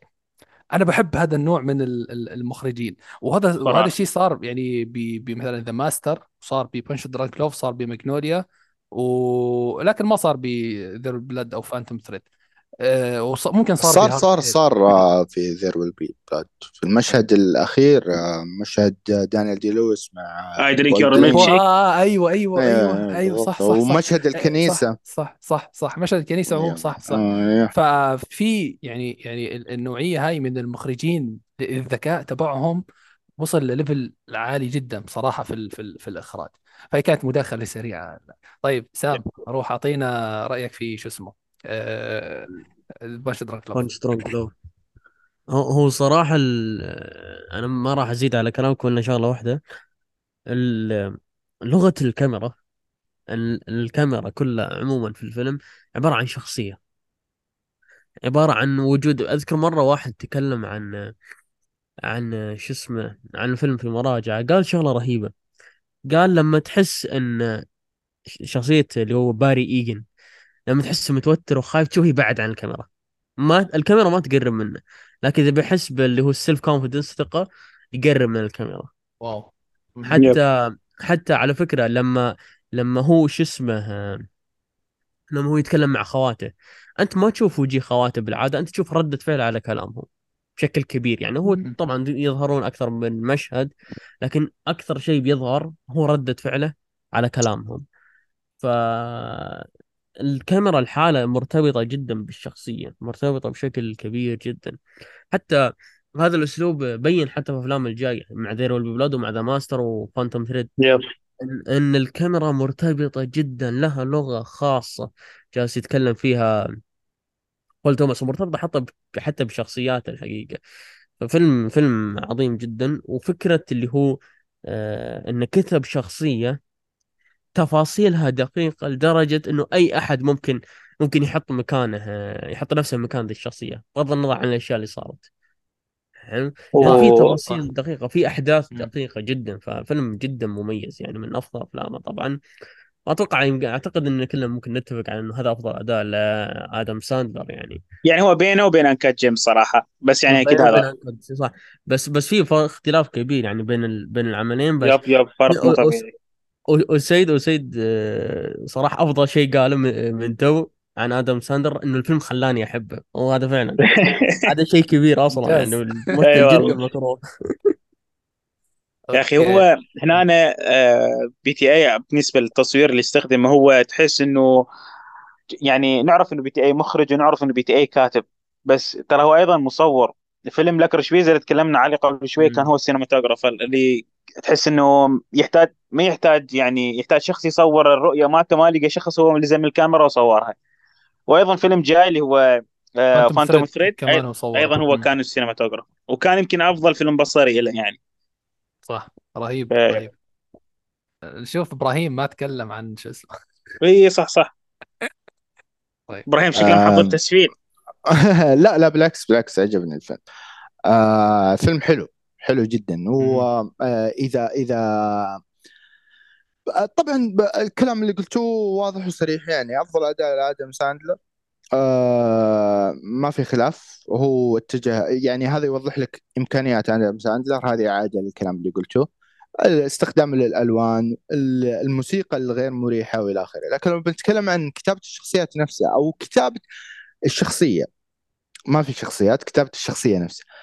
آه رائع جدا. يعني ألاحظ أن بول توماس أندرسون يحب آه ممكن الاختلاف كان موجود بس في آه لوكرش بيتزا وفي آه حتى مو بكبير وفي There Will Be Blood لأن فيها قصص آه ال- ال- الشخصية آه أو مسيرتها في الحياة يعني مع أشياء ثانية. ولكن في أغلب أفلامه كانت تتكلم عن الجانب النفسي يغوص في أعماق الشخصية نفسيا. فهنا شخصية آدم ساندلر آه ذكروني باسمه إذا حد يعني يتذكر الاسم. آه آه كان آه باري كان اسم الشخصية أي آه ما أذكر بس كان كان تقريبا عنده مشاكل نفسية من ناحية آه عدم الثقة بالنفس هذا أظن قلتوها. ولكن كان برضو عنده نوبات غضب وكان آه يشعر بالوحدة بشكل كبير. وما كان عنده دافع آه إنه يعيش الحياة بالشكل الكويس كان يدور دافع فتلقاه يجمع البودينج والأميال حقت ال- الطيران مع إنه ما يطير. مع إنه ما والله يسافر. مع إنه ما يسافر. سوى لنفسه هدف آه طبعا في البداية كان الفيلم مشتت شوي ما أنت قادر تصيد وين هل هو يبغى سريالي ولا هل في قصة رايحين لها. فكان مشتت ولكنه كان يوريك إياها من جهة آه، بطريقة نفسية للشخصية يوريك كيف هو يخاف من الأشياء. اجتماعيا عنده مشاكل اجتماعية مع مع الناس يخاف من الشارع يخاف إنه يروح. مو لاقي الهدف المناسب. لما دخل البيت عند خواته في المشهد الرهيب هذاك وقاعد يسمع بس الانتقادات مع إنهم كانوا يسولفون طبيعي وأصوات مرة كثير حوله بس هو قاعد يسمع الانتقادات. قاعد تقول له أنت استخدمت شامبو القشرة معناته أنت القشرة ما أدري وش هو ترى كنا نسميه جاي جاي جاي زمان وما أدري وش هو. آه. قاعد يسمع بس الانتقادات حوله. قاعد يسمع هذا وش قاعد يقول عنه هذا وش يقول عنه هذا وش يقول عنه. هذه إحنا أنفسنا لما تحس بعدم ارتياح وكذا وتروح مكان كذا ما تعرف فيه أحد تركز. يتكلمون عني هذول يقولون عني شيء. ولا فتسمع بس الانتقادات. مع إنه لو تعايش طبيعي يقدر يرد على الكلام حقهم وياخذها مثلا. يا بضحك يا بغيره بس هو قاعد يسمعها تأثر عليه. فلما راح واضطر إنه أنا معليش قاعد أفصل في القصة. قاعد اشرحها فصل آه، لما راح آه، يكلم آه، الهوكر هذه اللي ما أدري الكلمة ذي عادي تنقال آه، اللي امور طيبه مالك عادي عادي بالإنجليزي. عادي. اللي في هذه كان يكلمها ما كان أصلا رغبته آه، إباحية قد ما إنه يبغى أحد يسولف معاه صح. يبغى فكانت تروح وتجي. طبعا هو غبي إنه يعطي كل المعلومات الشخصية أيوه هذا دليل. أيوه صح. أيوه فلكن لما هو يبغى يسولف. أنا سويت كذا وأنا عندي كذا وأنا طيب نسوي كذا؟ لا أنا أبغى س... يبغى بس إنه في الأخير شاف إنه ما في مجال مو هذا المكان اللي أنا بفضفض فيه. فكان. في أشياء كثير لو بتكلم عن الشخصية ويعني تفاعلاتها مع الأحداث حولها والناس اللي حولها كثيرة. اخته المزعجه اللي تلزق فيه الفكرة ومدري وش. مع ذلك في أشياء و- ولاحظ إنه دائما يبرر عن نفسه. وهذه دائما تكون يا أخي نسيت المسمى أبغى أتفلسف في علم النفس بس إنه آه عنده مشاكل في- ال social security من- psychology. لا ال- آه، آه، يعني ما يحس بالأمان. إيوه ما يحس بالأمان آه. مع الناس. فما أدري إذا كانت صح هذا مسمى نفسي ولا لا ولا ما عليك صح فكان دائما حتى لو تلاحظ إنه يبرر عن نفسه. لما يروح عند أحد آه يكلم احد يبغى يتواصل يقول له ترى أنا ما ابكي ما حد سالك ما, ما, ما عندي نوبات غضب هو اذا قال- اذا قال لك ان عندي نوبات غضب أنا يا جماعة ترى ما عندي نوبات غضب ما زعق مع انه يثبت انه راح يكسر الدنيا وش ما عندك نوبات غضب إيش قاعد تسويه انت بس المميز فيه انه ما قاعد يضر الاخرين. آه أيوه لكن آه آه، آه، ولو لاحظت المشهد برضه اللي كانوا يطاردون الأشخاص اللي في السيارة جايين آه، يبتزونه وإلى آخره ويبغون يأخذون منه فلوس وقاعدين يطاردون. ما حد قاعد يلاحقك انت معلوماتك عندهم هو قاعد يهرب ويحاول. يبني- ما حد قاعد يلاحقك أنت كل هذه في مخك. فلما لقى الدافع والحب تشجع وصار عنده دافع حقيقي إنه يقدر يفرغ نوبات الغضب بشكل إيجابي في هذا. طلع لنا مشهد الكوميدي الرهيب اللي في الأخير اللي شفناه العظيم اللي أخذ سماعة التليفون راح الفيليب هوفمان قاعد يقول له بس قل لي خلاص انتهينا ولا ترى كنت جاي من هناك عشان تقول لي الكلمة ذي عارف إن هذا خطير. إيه خلاص انتهينا. بس إنه حتى هذاك عنده نوبات غضب لما جاي قرب من الباب قال آه ما أدري إيش قال له رجعنا. عظيم عظيم الفيلم رهيب رهيب. آه ممتع. جدا.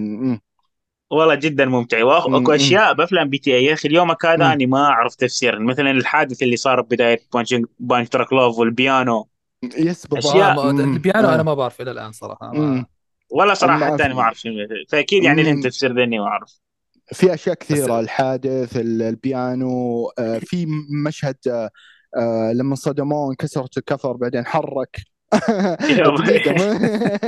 في أشياء غريبة صارت بس أوكي الرحلة ممتعة ما علينا من الأشياء اللي كذا رايحة.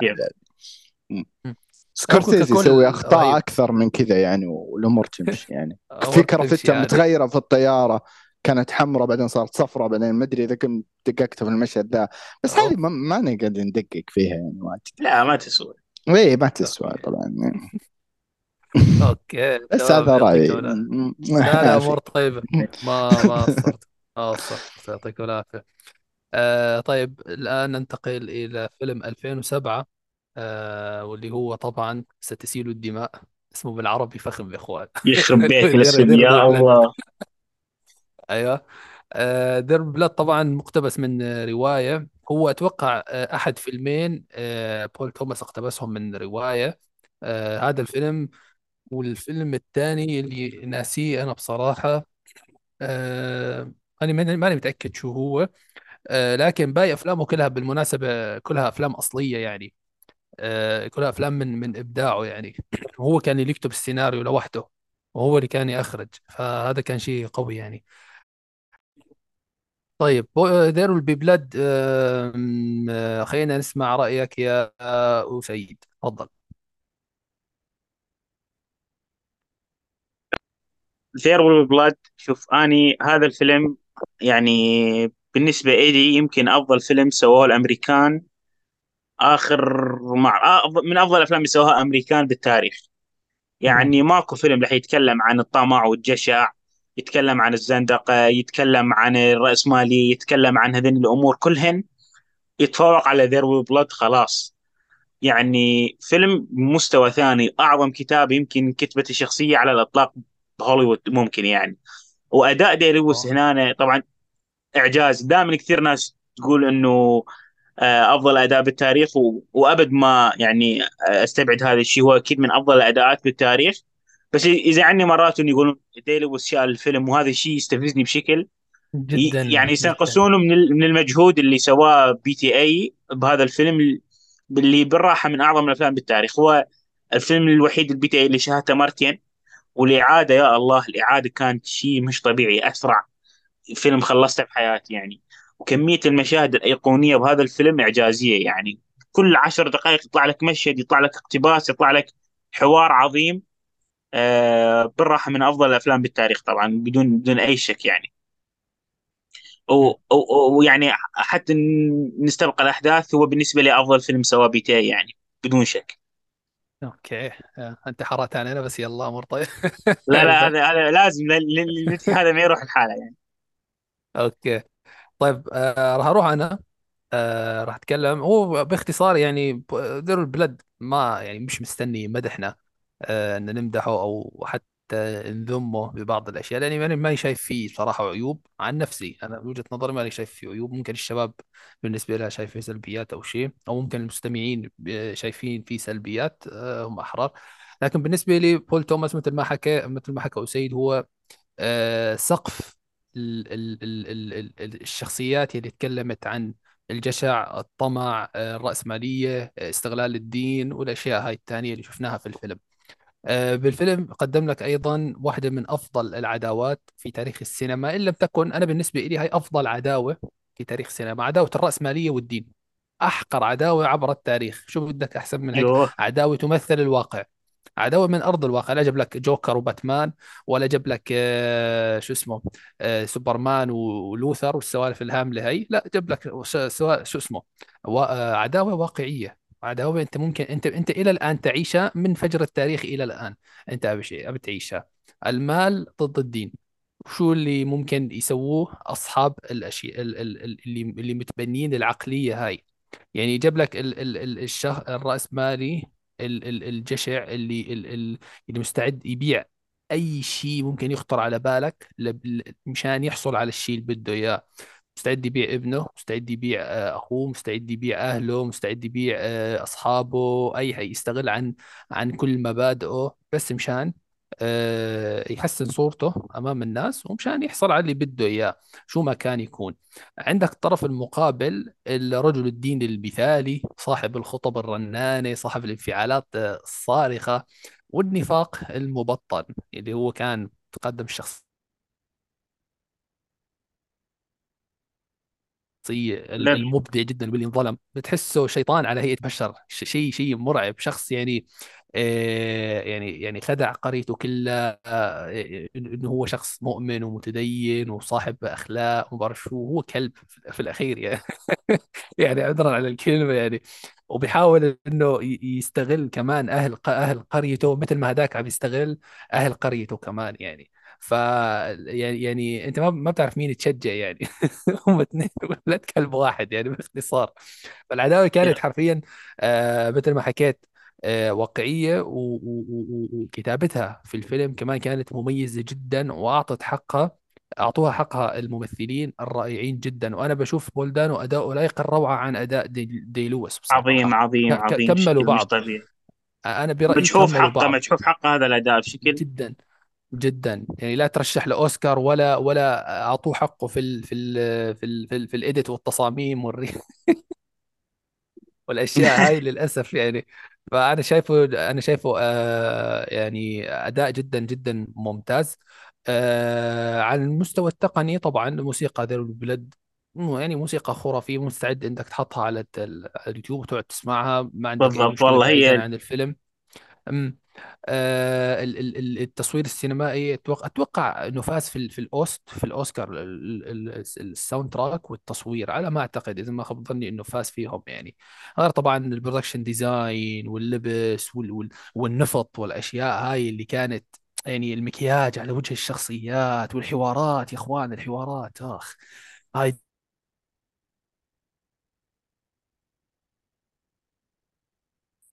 drink your milkshake والسوالف هاي. مؤخرا إنه آه، إنه أنا شخص ما بحب إنه حد ينافسني وما بعرف شو. شيء شيء خرافي جدا يعني. السير بدع حس وبول دانو امم أيوه.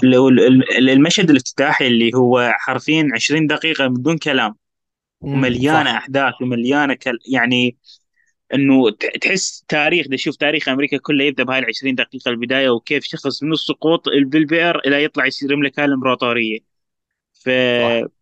يعني هو شيء شيء خرافي. فيلم حرفيا ب- مثل ما قلت أنت فيلم متكامل بمعنى الكلمة يعني. صح صح. طيب آه، سام أعطينا رأيك في There Will Be Blood أو ستسيل الدماء. آه، من أفضل أفلام في التاريخ. آه، من أفضل حتى الشخصيات اللي كتبت في التاريخ. آه، فيلم يخليك عاجز عن التعبير صراحة. بس هيك. ما ما ما ما قصرت صراحة. طيب. لا لا آه. اليوم اليوم اليوم سام غير اليوم. بيشيل اليوم آه مو في ال mood مو في ال mood. بس آه، نجي في حلقة كورية. ز- نظبط بعض حلقة تارنتينو هذيك. تكون آه، دارس أكثر. تمام. طيب إبراهيم يلا روح. إذا عندك إضافات. أم عندي إضافات. مو مستحيل إنكم تتكلمون عن الفيلم وما أتكلم عنها. بس طبعا آه، أرجع أقول بما إني آخر واحد يتكلم فأكثر واحد يتكلم والضيف يعني آخذ راحتي آه. شيء مم.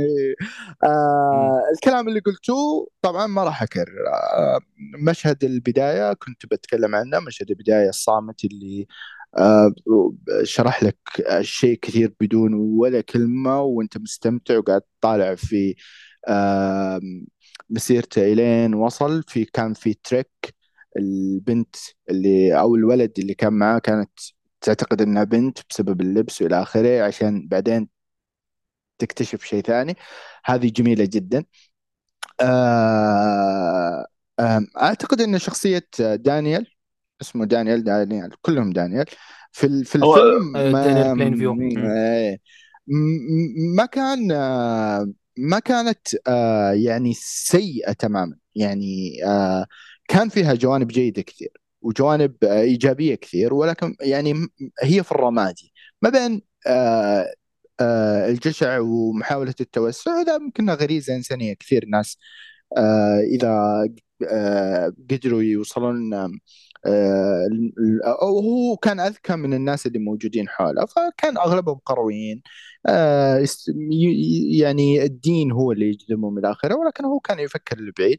آه، ملحد ما يؤمن بالدين وهذا السبب اللي خلاه آه، يدخل في منافسة مع آه، رجل دين يبدو لي إنه كمان هو ملحد آه، بس إنه يعرف يستغل يستغل يستغل عاطفة الناس. فواحد أشتغل على على على آه، الثروة اللي من الأرض وكيف يستغل الناس ويأخذ أراضيهم ويستغل ثرواتهم.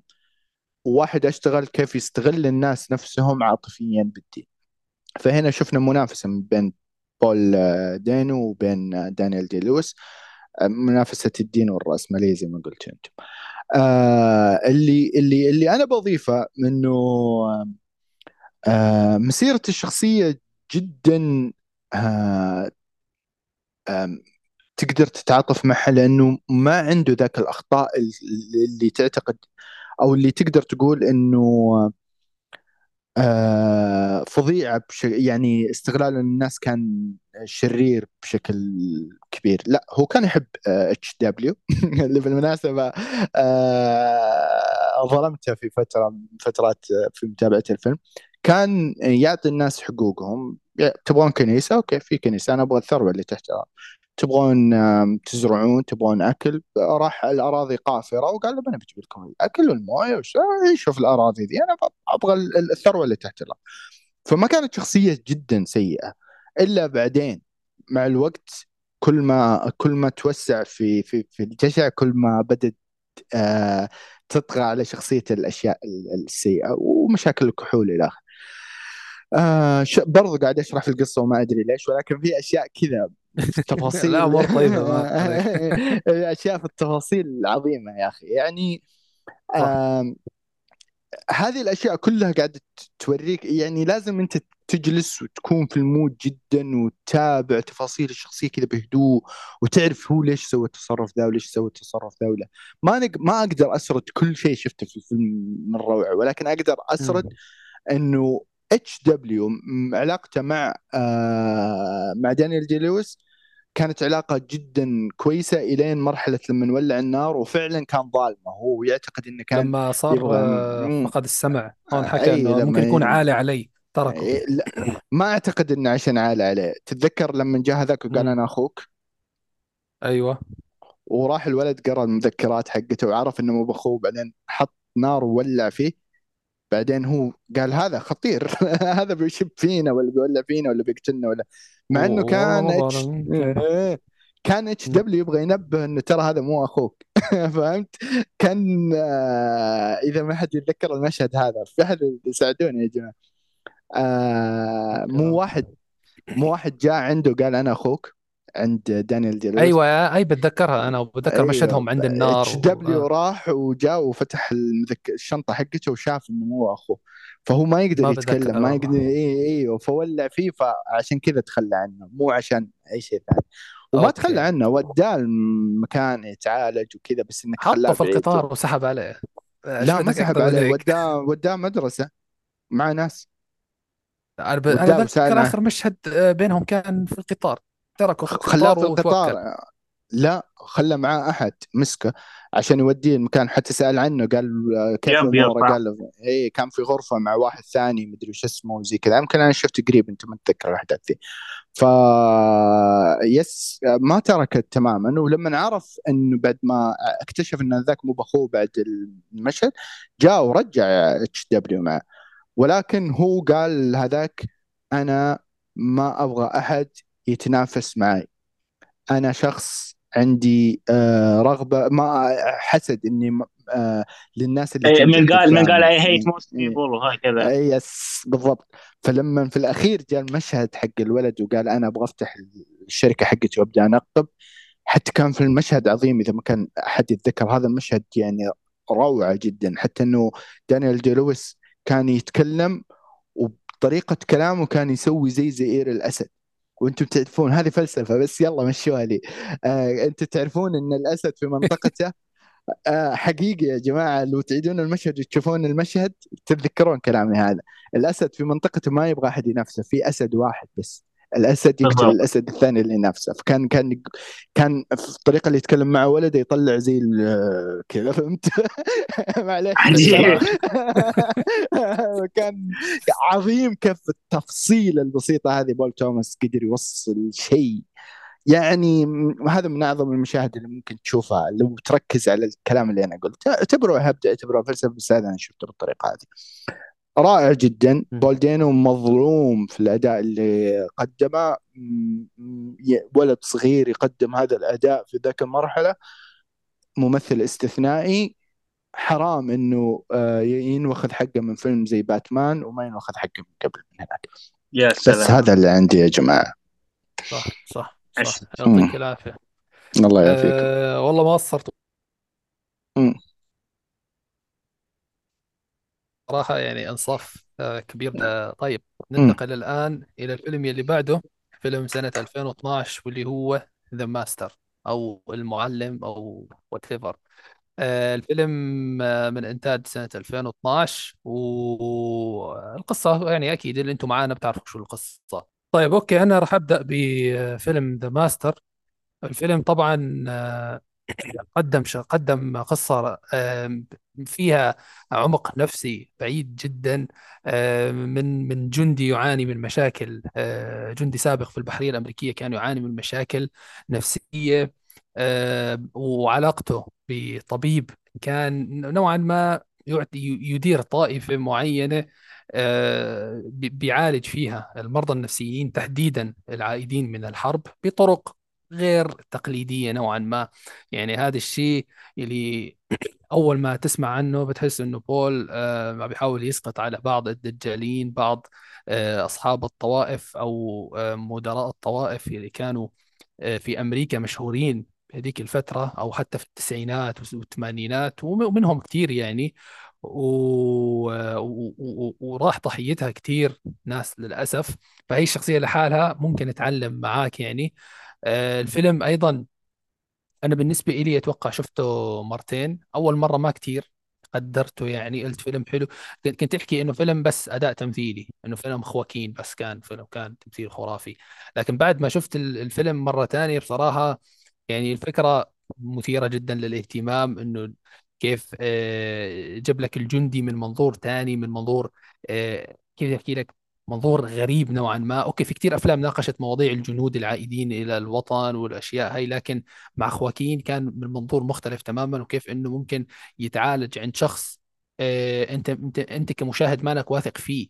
فأنت أنت خايف شو ممكن يصير نتائج مع هذا الشخص والعلاقة اللي بينهم يعني.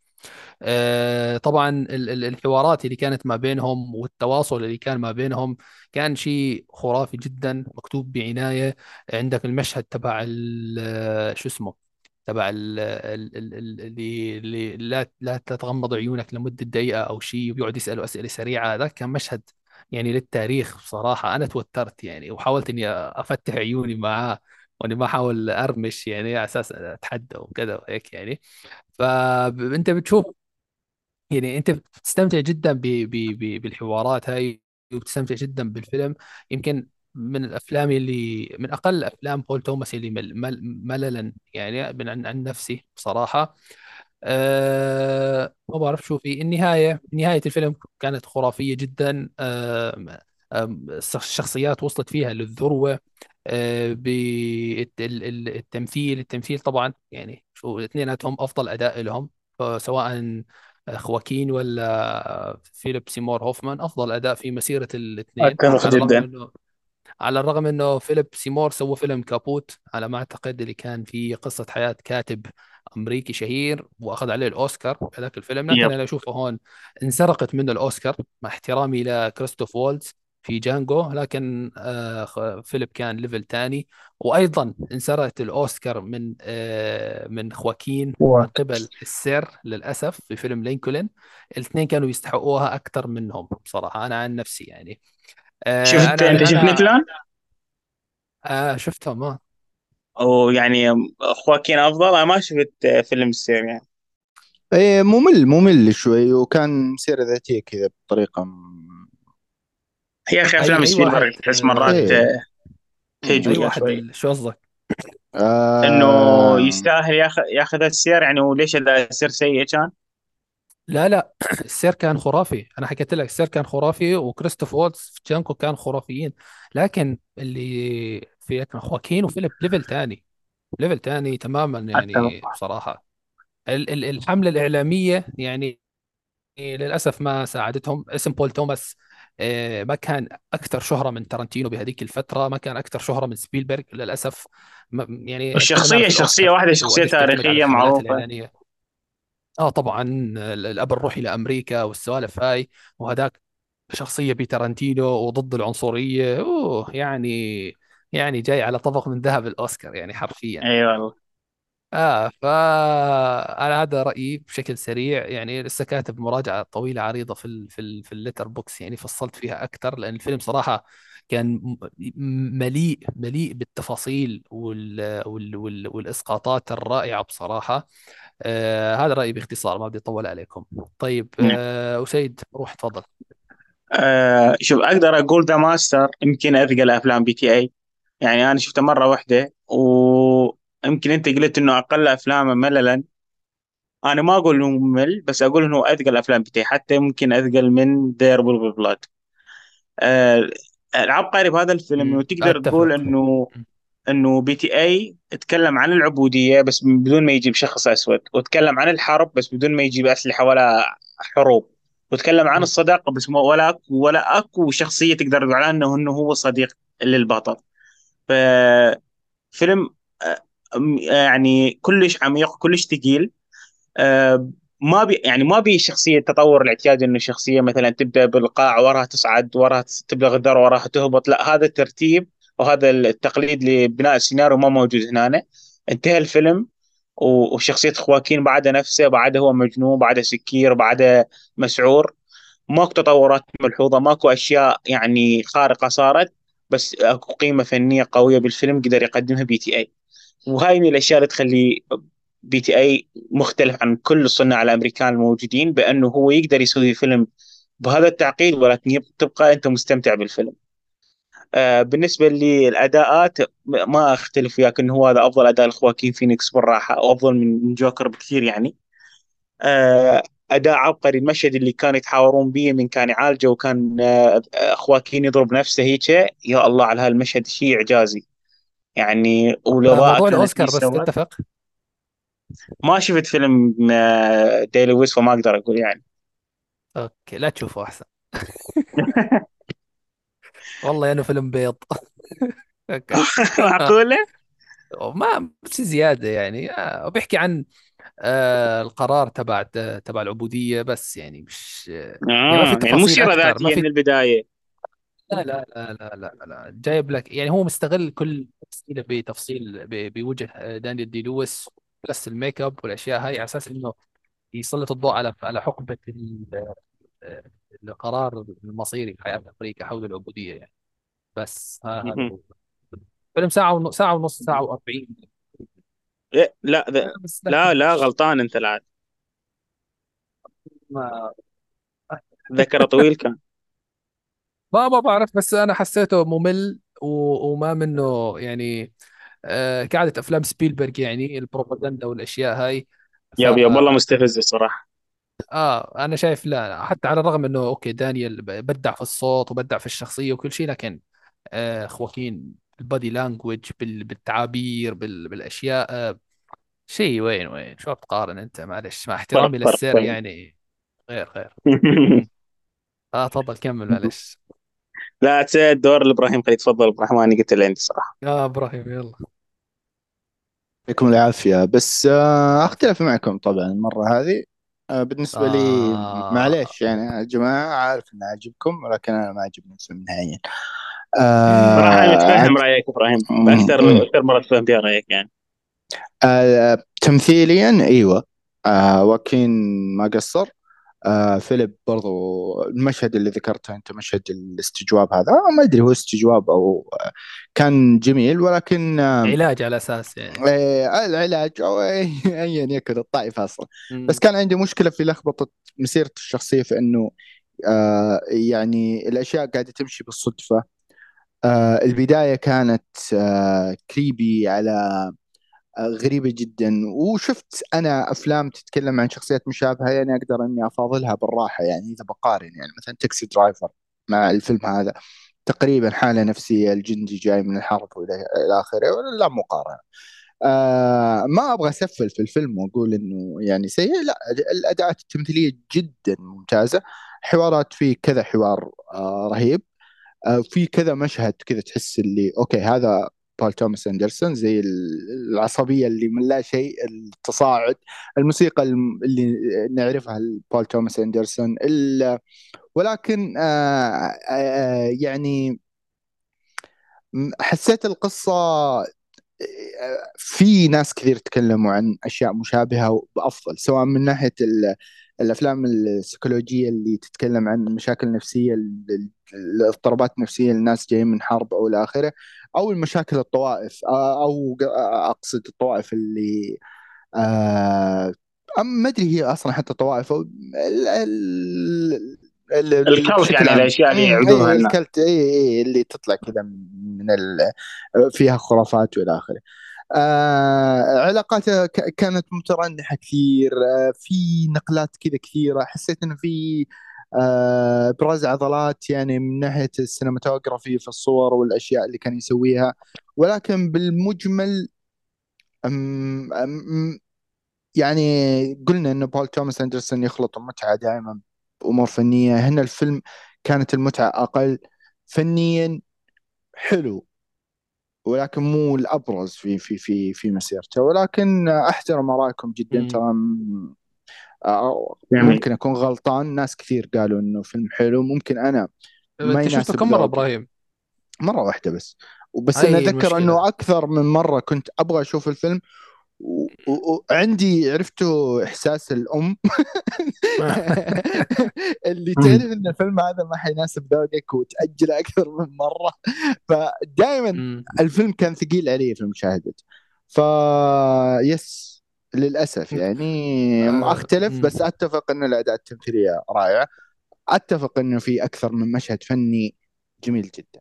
بس هذا رأيي لا لا متفهم آه، رأيك تماما آه. بس أنا أنا بدي أحكي مم. لك إنه أنا كنت نفسك آه بيوم. من الأيام لما شفته أول مرة. و- وما كنت فهمان كثير أشياء وما كنت متقبل كثير أشياء لكن مع المشاهدة الثانية اختلف رأيي تماما بصراحة آه يعني شوف أنا ما أبغى هايط وأقول إنه آه، أنا عندي الفهم من المشاهدة الأولى أكثر من الفهم من المشاهدة الثانية، المشاهدة الثانية اللي دائما تقول هل أنا فهمت صح ولا لا؟ آه دائم آه يعني كل ال- يعني أغلب الأفلام ترى بس ماجنوليا اللي شفته أكثر من مرة وما كنت أواجه مشاكل في في في فهم أسلوب أو اللي يبغى يوصله آه بول توماس أندرسون سواء من الناحية النفسية أو من الناحية ال- غالبا ترى هو يطرح أشياء نفسية يعني كثير حتى في ذير بلود يعني كثير ترى الأشياء دي. هذا الفيلم ما حسيته ممكن ما لمسني أنا شخصيا فهمت؟ صدقني. بال- بالمشاهدة. الثانية بالمشاهده مم. انسى انسى انسى ان عم نتكلم حاليا عن بول. مم. بالمشاهده الثانية بشكل عام لاي لأي فيلم صدقني راح تعزز كثير أشياء أنت ما كنت فهمانها في في أول مرة. وبالأخص أفلام بول توماس لأنها فعلا فعلا فعلا بتعتمد على المشاهدة الثانية. أنا عن طيب أنا بقول يعني لكم عن آه تجربة. آه okay أنا بقول لكم شيء. آه آه أنا ترى يعني غالبا أختلف مع موضوع المشاهدة الثانية. يعني مو أختلف مو على الفيلم هذا بالذات بشكل عام إنك تشوف الفيلم. أكثر من مرة إلا إذا أنت حبيته مرة ليش؟ بزيادة يعني لأنه أحس الدنيا فيها أفلام كثير فاللي ما يصيدك من أول مرة الدنيا خلها تعدي وفي أفلام ثانية طيب أحلى ما أنت ما, ما, ما هو ليش في نقاشات آه. وليش في ناس آه. بتقعد بتسولف عن الأفلام مشان مثلا إذا حبيته مشان نفس هذا الموقف. مشان هذا الموقف أنا حبيت الفيلم بعد المشاهدة الثانية أنت ما حبيت الفيلم بعد المشاهدة الأولى أنا بحكي لك ممكن يعجبك بعد المشاهدة الثانية أنت عرفت ليش. المشاهدة الثانية عندي إشكالية فيها ترى أنا ما قاعد آه، يعني آه، أنت بجوز لأن وقتك مثلا ما بيسمح آه كذا عندك انشغالات الأشياء هاي أوكي متفهم لا مو الموضوع بس مو هذا مو مو, مو بس بس برضو الانشغالات مثلاً- الدنيا فيها أفلام حلوة كثير فلما يكون في فيلم أنت ما حبيته من أول مرة وتشوفه مرة ثانية أحس إنك أنت قاعد تغصب نفسك كواجب فممكن تكرهه زياده لا لا مش؟ تغصب أنت آه. بالأخير أنت بالأخير حر يعني أنت ممكن آه، تسحب عليه لا حتى أنا شخصيا مو؟ علشانك انت يعني فهمت أنا أنا شخصيا لما ما أحب إي أغصب فاهمك. نفسي مرة ثانية فهمت كيف؟ أحس إنه واجب علي. فالفيلم اللي ما يصيدني من بدايتها في أفلام كثير في مخرجين مرة عظماء إحنا ساحبين عليهم ف أوكي. طب آه طب, طب أنت شوف شوف الجانب المشرق. أنت شوف. الجانب المشرق وقول والله مثلا أنا بدي أرجع أشوف أداء آه، خواكين الرائع مثلا. أرجع أشوف مشهد التحقيق الخرافي مثلا. يعني جيبها من. هال أضحك على حالك شوي؟ أوكي إن شاء الله. النساء رأي سام شاء ترى الله. ما أتكلم ال... آه بس اضيف شغلة على آه، كلام. إبراهيم هو أتفق إنه ممكن أقل أفلام بي تي أي ممكن ترتبط بها عاطفيا وعلى الاقل بساني إنه ترتبط به ك- كشخصيات عكس أفلام PTA الباقية بس مم. وشغلة أخيرة العدسة اللي استخدمها PTA هنا بالتصوير حرفيا من بعد هذا الفيلم الناس بدأت تدرس إنه PTA كيف صور هذا الفيلم بهذا بهذا الشكل الصورة يا أخي crispy هيك يعني تحسها مقرمشة الصورة رهيبة حلوة. صح؟ صح. كنت أتفق. فلتر أنا. yes. والله عباك فلتر. شيء عجيب اللي هي نوع عدسة معين استخدمها PTA بهذا الفيلم ووظفها بشكل معين يعني. ف. آه، واستخدمها بعدها طلعت. الألوان آه، باهته يا أخي. جبار. المشهد اللي. كان ممدد فوق الشراع مع سفينة يا أخي عجيب. أوه هذاك الفريم كان خرافي. جبار مشهد جداً. البداية مع التراب هذاك وش رايك؟ شوف شوف بالضبط. مجنون. مريض. روح. okay. طيب وهنا آه، واكين. نحف برضه مو بس في الجوكر يعني نحف. ليش ال- الثناء؟ أوه نحف واكين في الجوكر. طيب هنا نحف صح؟ آه إيه. ما حد داري عنه والله ما حد داري عنه للأسف. okay يلا. بيجي بيجي لك كريستوف وولتز آه، بياخذها مرتين ورا استغفر الله. المهم كريستوفر والتز لا آه. حد يغلط. مايتك ها طيب آه ننتقل الآن للفيلم ال- الأخير معانا. في الحلقة واللي هو آخر فيلم طبعا من لا مش آخر فيلم أنا ليش مفكر آخر فيلم هو آخر فيلم قوي خلينا نحكي نتفق إنه آخر, آخر فيلم قوي للسير. آخر فيلم للسير طبعا. قبل اعتزاله وآخر فيلم قوي سواه بول توماس على الأقل من وجهة نظرنا يعني واللي هو Phantom Thread في سنة 2017 طيب الفيلم آه، طبعا كنا بنعرف إنه عن خياط عريق آه، نرجسي مستفز بيقابل نادلة مطعم ونادلة المطعم هاي بتغير له حياته. أول ما سمعنا القصة هاي آه، يعني بصراحة أنا كانت صفر اهتمام. يعني رومانسية بول توماس وشو كان أتوقع هذا أول فيلم رومانسي بيسويه أنا ما أعتقد إذا ما خاب ظني ما في.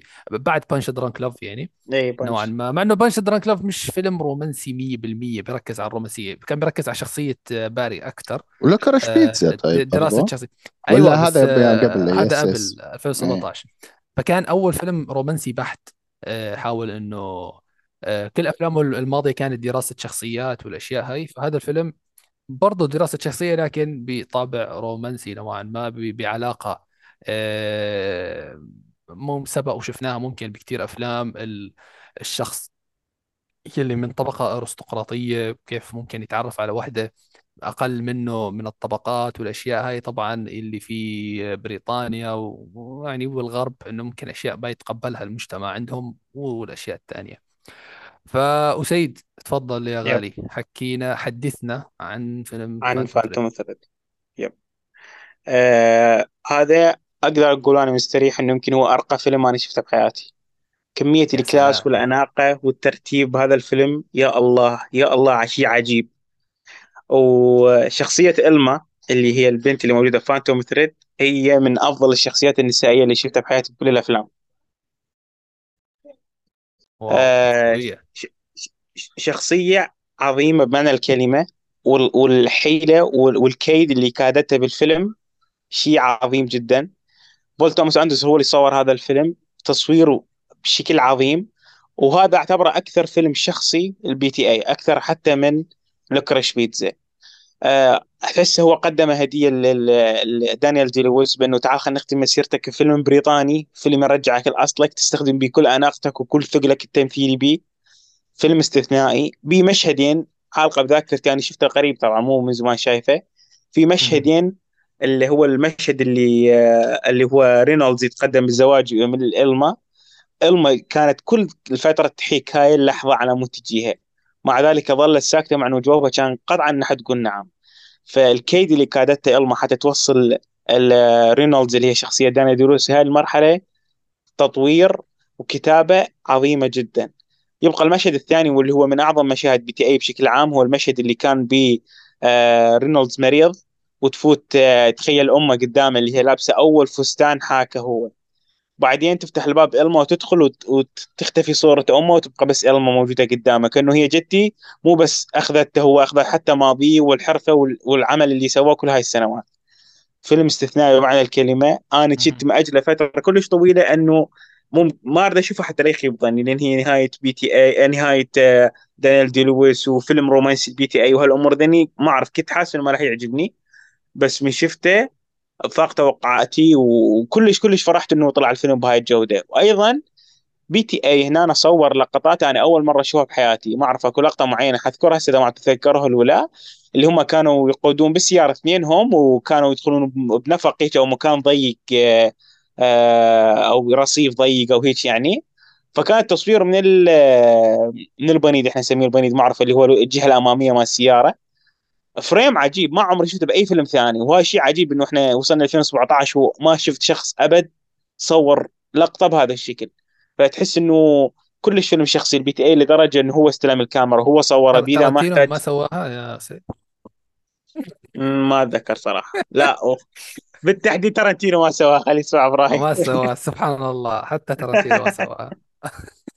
معلش كمل. سوى. مشاهد ثانية ما حد أحلى- سواها فيب هذا. رأيي صراحة آه. وختاميه راقيه كلش راقيه ولايقة لدانيال ديلوس يعني تمام يعطيك الصحة أه سام تفضل سمعنا صوتك أوكي آه. وصراحة الفيلم آه. فيلم مميز بكل شيء يمكن حتى بالكاميرا فكرة إن آه. الكاميرا في هذا الفيلم مختلف حتى أو طريقة التصوير في هذا الفيلم مختلفة حتى عن افلامه السابقة لأن قبل شوي أنا قلت انها شخصية في هذا الفيلم ما كانت ترسم شخصية حتى في واحد تكلم عن. واحد من. هو مصور تكلم عن هذا الفيلم في في طريقة إلقاء الكاميرا إنه يرسم صورة رومانسية للشخصيتين أنت لو تفهم الشخصيتين تتوقع أنهم مستحيل يحبون بعض لكن هو يرسمها بطريقة رومانسية فهذا الأسلوب نفسه مختلف تماما يعني هو الفيلم كله على بعضه مميز وراقي يمكن حتى من أرقى الأفلام اللي أنا شفتها في حياتي يمكن صراحة فيلم عظيم جدا ومميز ختامية جدا عظيمة للسير يعني زي ما أقول ختامها مسك. هذا اللي عندي صراحة. أوكي طيب يعطيك العافية. أه خليني أنا هالمرة أه أروح. أه أنا هذا الفيلم كمان من بين الأفلام اللي عدتها لدي لبول شفته أول مرة من زمان تقريبا شفته 2019 أو 2018 وما عجبني ابدا. يعني كان ممل وكنت بكره الأفلام الرومانسية بشكل غبي يعني. آه، ما حسيت فيه قوة ولا حسيت فيه شيء وكان أغلب الناس اللي حوالي يتفقوا معي يعني. فبعد فترة نفس الشيء مع موضوع الماراثون والأشياء هاي لما عدته آه لا الفيلم wow. أنا شو جد نفس الشيء صار فيني مع فيلم Punch-Drunk Love يعني نفس التجربة بالضبط يعني. فيلمين ما عجبوني بعدين الفيلمين double شيء شيء خرافي كان يعني تجربة كانت خرافية. آه، الفيلم فيه أداء آه، فيه أو فيه تطور بالشخصيات كان خرافي منطقي في الكتابة وكل شيء. على الرغم أنه الرتم بطيء نوعا ما آه، يمكن من أبطأ أفلام بول توماس تقريبا خلينا نحكي لم يكن أبطأها يعني. لكن وصل لكلايماكس بصراحة خرافي يعني. أنا مستحيل أنسى مشهد لما على ما أعتقد سم... إذا ما كنت غلطان أنا سممته و... يب. وإبل والأشياء هاي. اسم يا أخي في تضحية كانت خرافية. صح تضحية درامية وأوفر بس تضحية حلوة كانت مناسبه جو الفيلم بشكل خرافي جدا يعني. تقصد آه، النهاية؟ أيوه أيوه من النهاية هي هاي النهاية إنه لما حكى لها يس وشي ماني متذكر بالضبط يعني. آه لكن before I'm sick. أيوه هي هاي هي هاي هي هاي. والله مش طبيعي. ال line هذا يا لطيف. يا أخي هي تمرضه وتتعبه على مود تعتني فيه وتراجع صحته وتستمر هاي الدائرة يخرب بيت الجنون. كان- كانت نهاية نهاية خرافية بصراحة. آه الشخصيات يعني كمان شخصية آه آه، شو اسمه؟ الخياط هذاك اللي اللي اللي جد كرهته أنا بصراحة. آه الشخصية ال- ال- الدقيقة اللي اللي اللي دقيق بوقته دقيق بشغله دقيق بكل شيء في حياته رو- روتيني لأبعد درجة مستحيل يغير شيء في حياته. يعني إلا لدرجة إنه يكون الشيء شيء ضخم جدا إنه يقدر يأثر على حياته. وهذا الشيء كان طبعا الحب يعني ما في أضخم من الحب إنه يأثر على حياتك يعني. آه شخصية إلما شخصية أوكي كانت مرحة اجتماعية عكس آه شخصية آه رينولدز على ما أعتقد اسمه كان رينولدز لدانيال دي نويس دي لويس آه. ب... عكس تماما متناقضة جدا عن يعني فيها تناقض كبير عن شخصية رينولدز اجتماعية وبتحب تطلع مع الناس وعاطفية وشخصيتها يعني بترمز نوعا ما للتغيير عكس آه، دي لويس اللي كان يحب الروتين مثل ما حكينا. فتضارب هالشخصيتين مع بعض كون لنا دراما حلوة وقصة رائعة بنهاية مثل ما حكينا خرافية. طبعا مع تمثيل آه، رائع جدا لكن مش تمثيل واو لكن تمثيل يعني كان كافي على على الفيلم. حوارات مميزة جدا آه، اقتباسات رائعة قبل شوي حكينا عنها. يعني فيلم كان جميل جدا. الإخراج يعني طبقات أسطورية بالشخصيات في الأحداث في كل شيء. آه، نفس الشيء الفيلم كما سويت له مراجعة على ال Letterboxd فصلت فيه أكثر ب- بحرق وبدون حرق. فإبراهيم تفضل دورك أعطينا رأيك في Phantom Thread أوكي آه الله يعطيكم العافية ما قصرتوا. برضو حبيبي. الكلام مش كل شوي الله يعطينا العافية يا أخي. مش رسميات الوضع؟ لا لا لا حقيقي.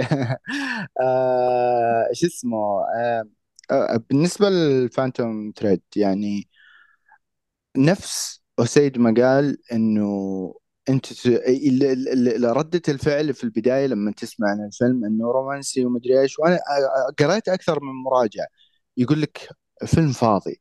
الفيلم آه، خياط ومدري وش يسوي. الفيلم مدري إيش. فكان المشكلة إنه من ناس أنت تثق فيهم بعض الأحيان. ولما أشوف الفيلم لا يا حبيبي الكلام اللي تقولونه ذا غلط. فيلم مو فاضي ابدا. الفيلم مليان مليان بشكل كبير. يعني مليان من ناحية الصورة مليان من ناحية الشخصيات وعمقها مليان من ناحية القصة نفسها. القصة حقتها سلسة بشكل عظيم. أيوة أرقى أفلام آه، بول توماس أيوة ال- ال- الموسيقى فيها فيه روعة. أيوة التمثيل كان عظمة على عظمة وختامية رائعة على دانيال دي لويس الممثلة هذه ما أعرفها بس آه، رائعة. آه، اسمحوا لي أنا دائما أركز على القصص. طبعا القصة مستوحاة جزئيا على قولتهم من شخصية اسمها آه معلش في واحد هذاك اللي يقول هاي سيستر شو اسمه؟ جيمس تشارلز. جيمس تشارلز. إيه لا هو تشارلز جيمس. واحد ثاني. أقدم منه. هاي هاي طريقتك تتذكر فيه الاسم بس أبغى أتذكر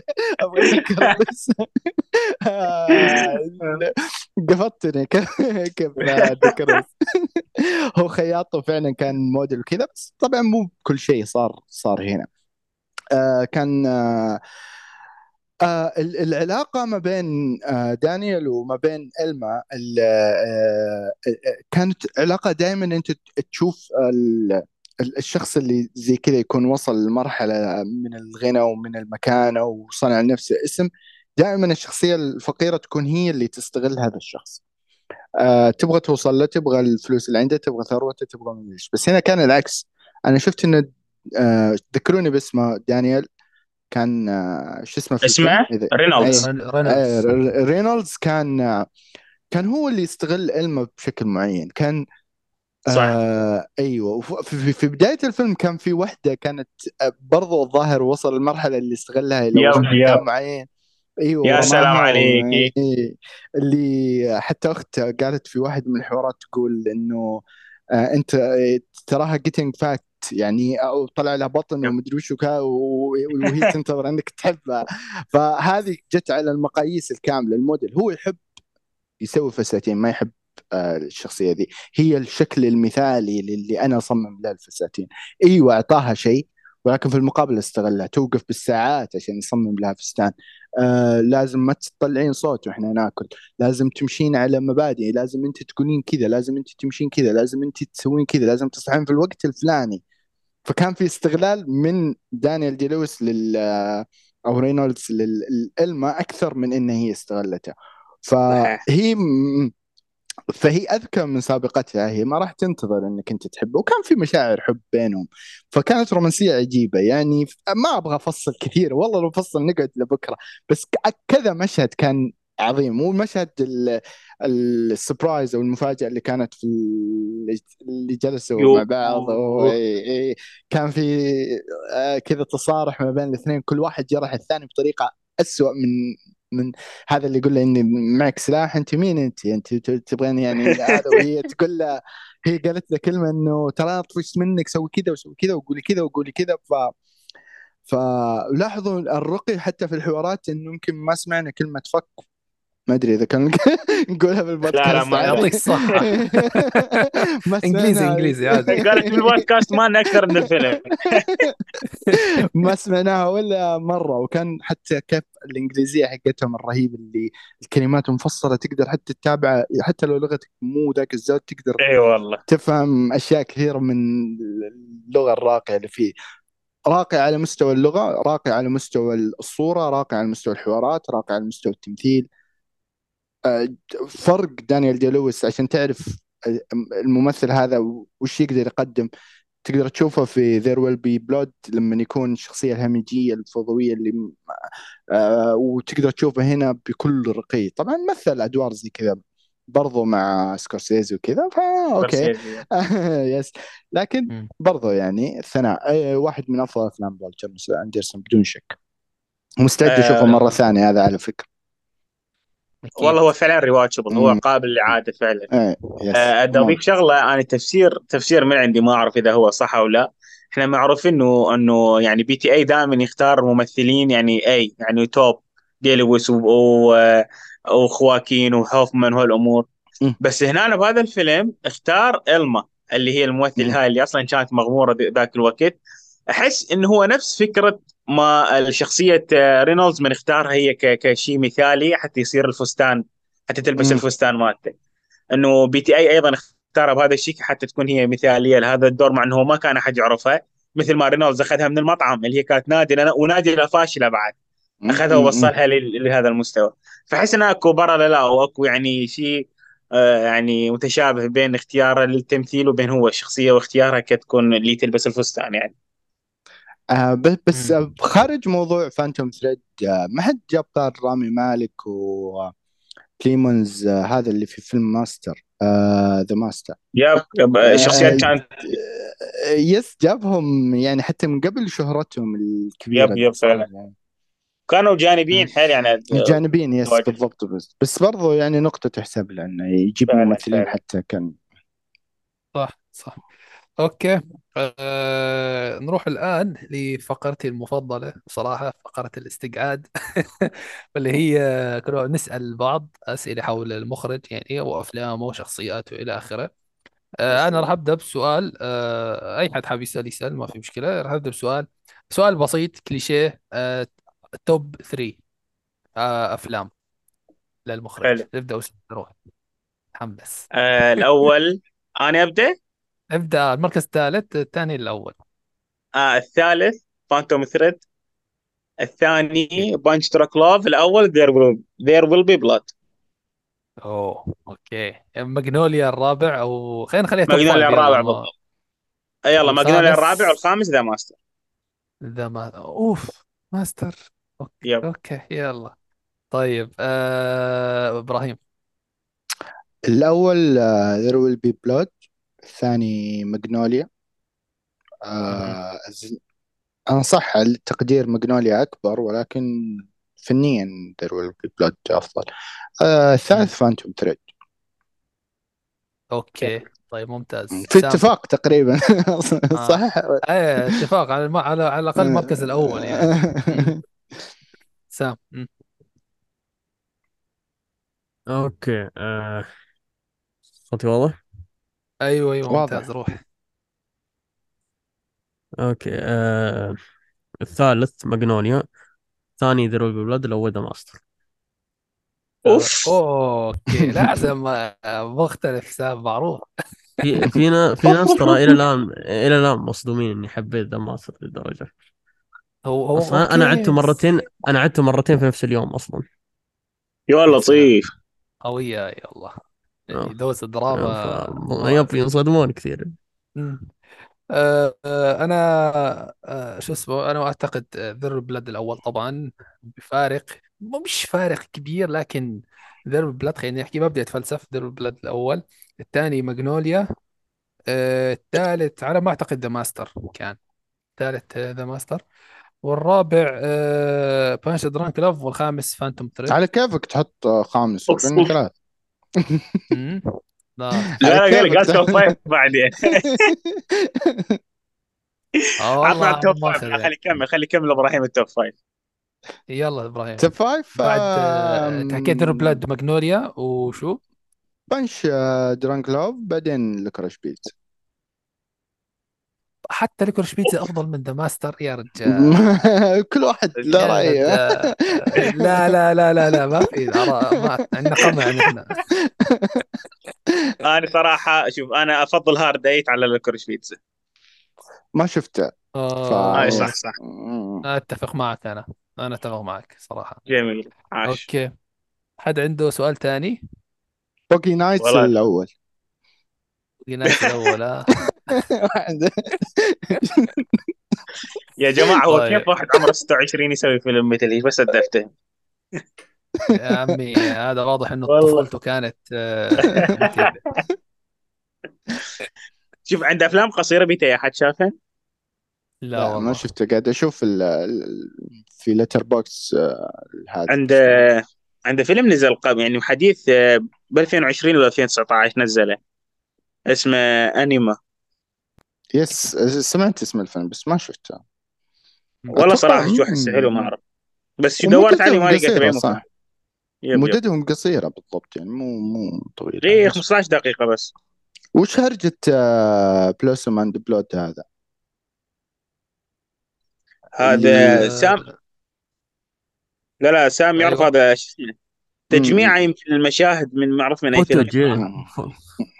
footage مشاهد ما حطت في الفيلم حطت في الفيلم هذا. ونفس الشيء سواه على The Master أو بيسويه الحين على The Master على عمل القادم.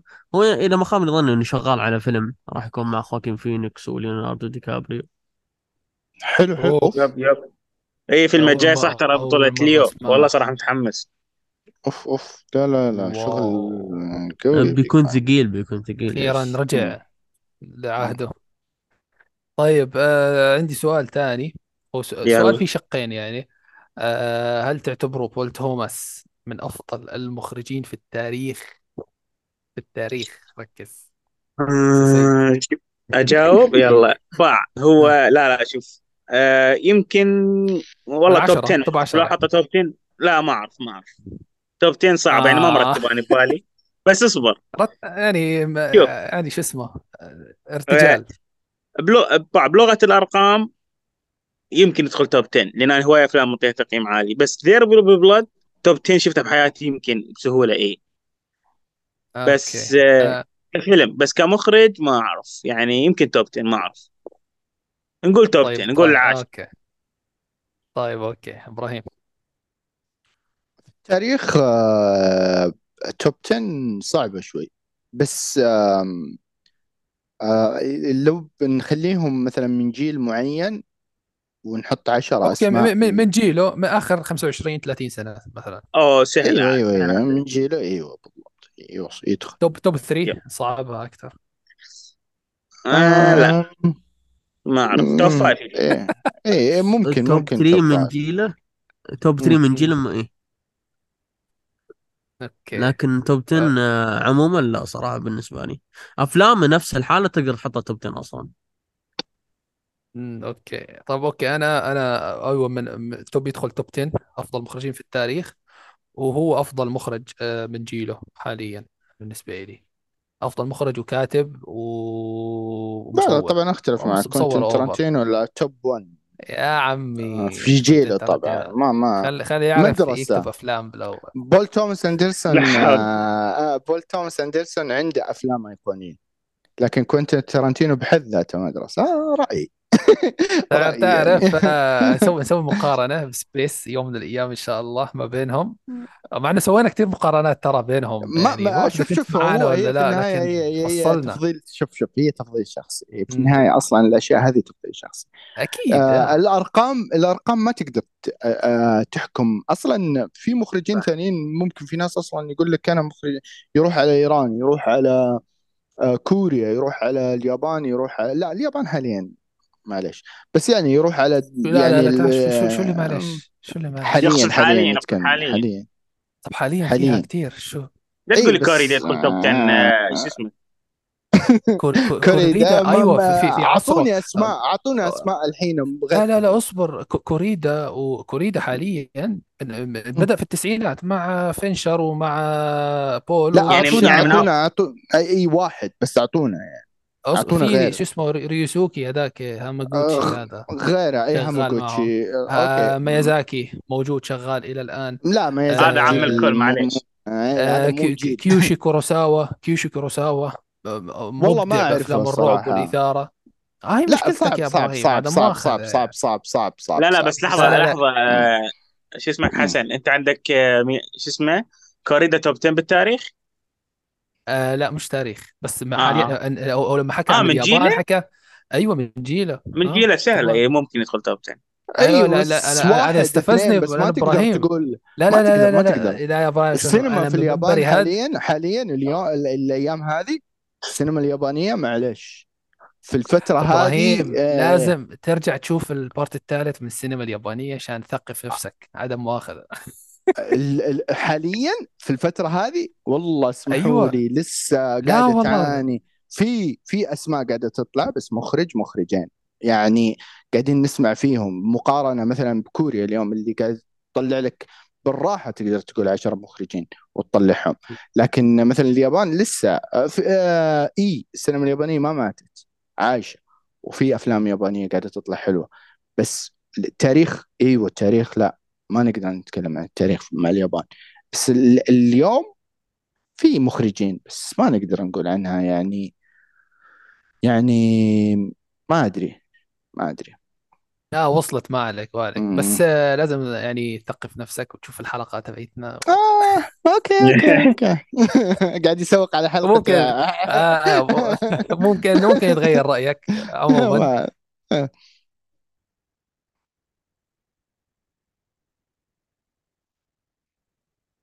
وين؟ آه، آه، okay نروح حاليا لل... طيب.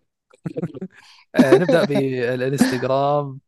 عندنا آم، من عاطف عاطف صديقنا يعطيك العافية بيحكي فيلم ماجنوليا من أكثر الأفلام العبقرية بنحط عندكم بتوب أفضل أفلام شفتوها على الأقل توب 50 وفوق. أنت أنت مكارمنا يعني توب 50 يعني آه أنا ممكن بالنسبة لي يكون توب 20 صراحة. آه إبراهيم شو رأيك؟ لا بالراحة top 50 وين أنت؟ طالع. لو, لو قال 20 بقول أيوه ندخل. عادي. top 20 ها؟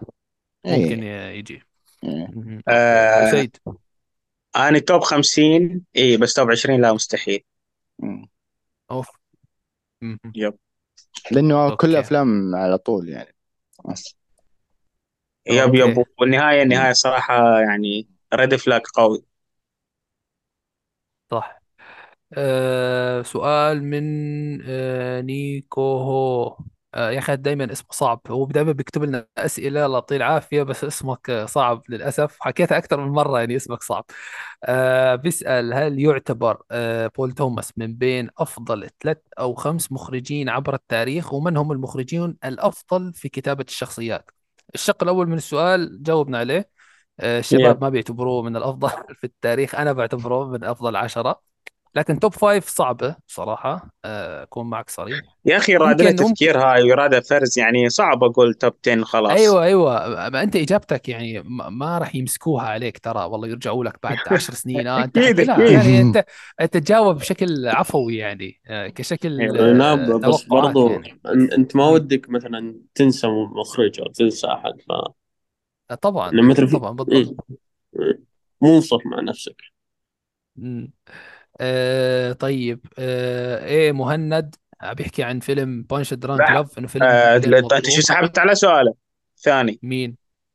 آه معلش اللي هو ما. سألك- آه،. ما نبغى أيوة. نقول ترنتينو بس أوكي يلا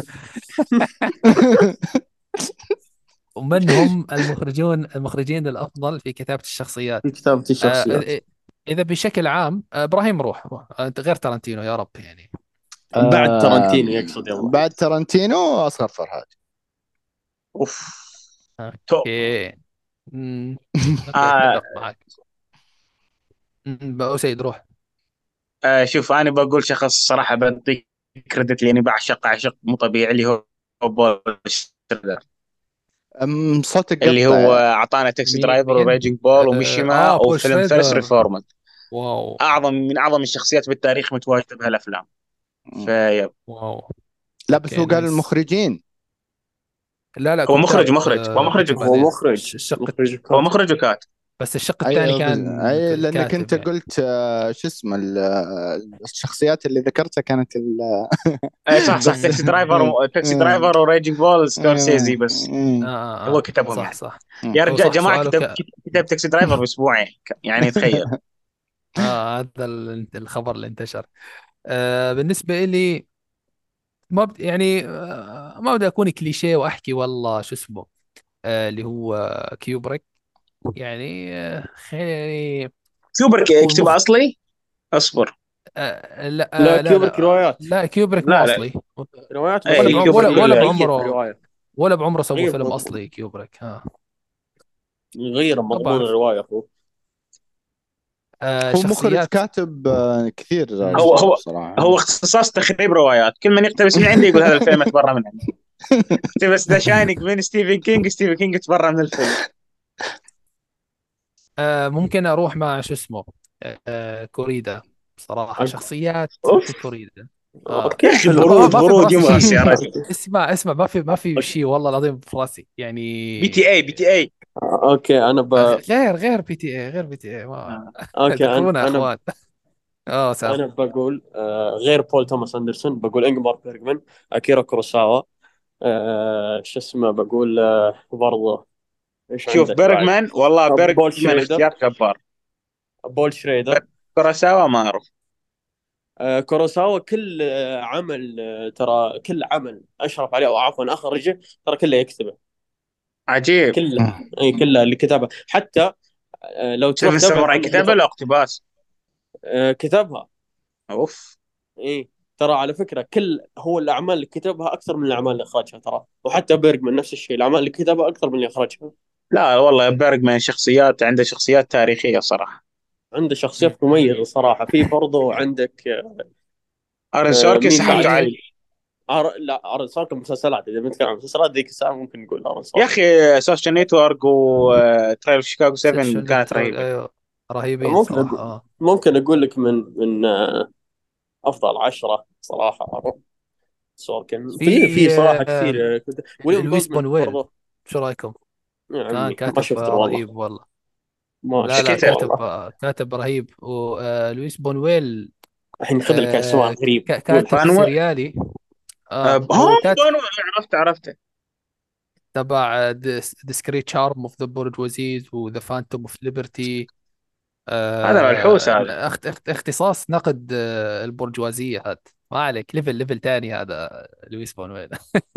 وفي أيوه واحد آه، أنا ما شفت له غير ثلاثية وللأسف الثلاثية كانت يعني بالنسبة لي فاشلة واللي هو ريتشارد ريتشارد لينكليتر. لينك ليتر ه- هذا سمعت إنه كثير يعني كاتب قوي في الشخصيات لكن للأسف شفت آه، آه شو اسمه اللي هي ثلاثية الهي وللأسف مش أفضل شيء ممكن أشوف له أفلام الثانية سمعت عنها كلام قوي Boyhood والأشياء الثانية. أنتوا نسيتوا نسيتوا واحد تاريخي.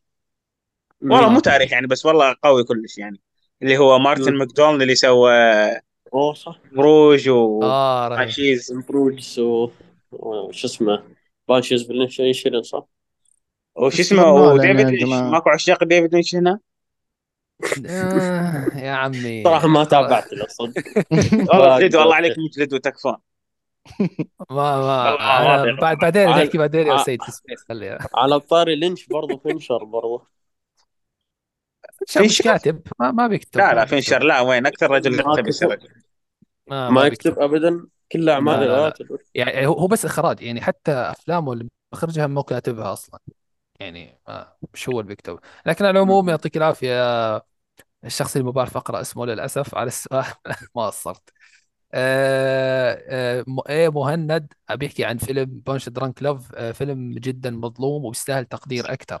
نتمنى أن نكون. أنصفناه يعني. شكرا إن شاء الله. للمشاركة. A underscore X 8 R T عم بيحكي من المخرجين القلة اللي احترم السينما. فعلا بصراحة وأعماله أكبر دليل يعني. آه، الم- المشاركات اللي من تويتر كان مهند آه، أليني عم يحكي ليش فيلم ماجنوليا عنده سمعة إنه فيلم معقد رغم إنه كل اللي تحتاج تعرفه هو إنه الفيلم يناقش مواضيع من المقام الأول. مش قصة رغم أن قصص الفيلم والأحداث عظيمة. طبعا هذا الكلام لا ينطبق على مشهد الضفادع. آه، ممكن آه، كثرة الشخصيات اللي فيه أو الناس أو مدة الفيلم أعطت صورة عن الفيلم إنه فيلم معقد وفيلم آه، تقيل والأشياء هاي. وطبعا نحن جمهورنا يعني جمهور دلوع بيحب رتم أحداث سريع بيحب يشوف سحر وأبطال وأشياء هاي. ف يعني بيطلع بيسوي له صفحة على الإنستا وهو شايف له فيلمين يعني فبيقعد بيسولف والله الفيلم هذا ممل الفيلم هذا وسبحان الله بينشهر بيجي 100 200 و500 ألف وبصير يعطي رأيه وهو مش فاهمان شيء يعني. فهي باختصار مشهد الضفادع السينمائي العربي.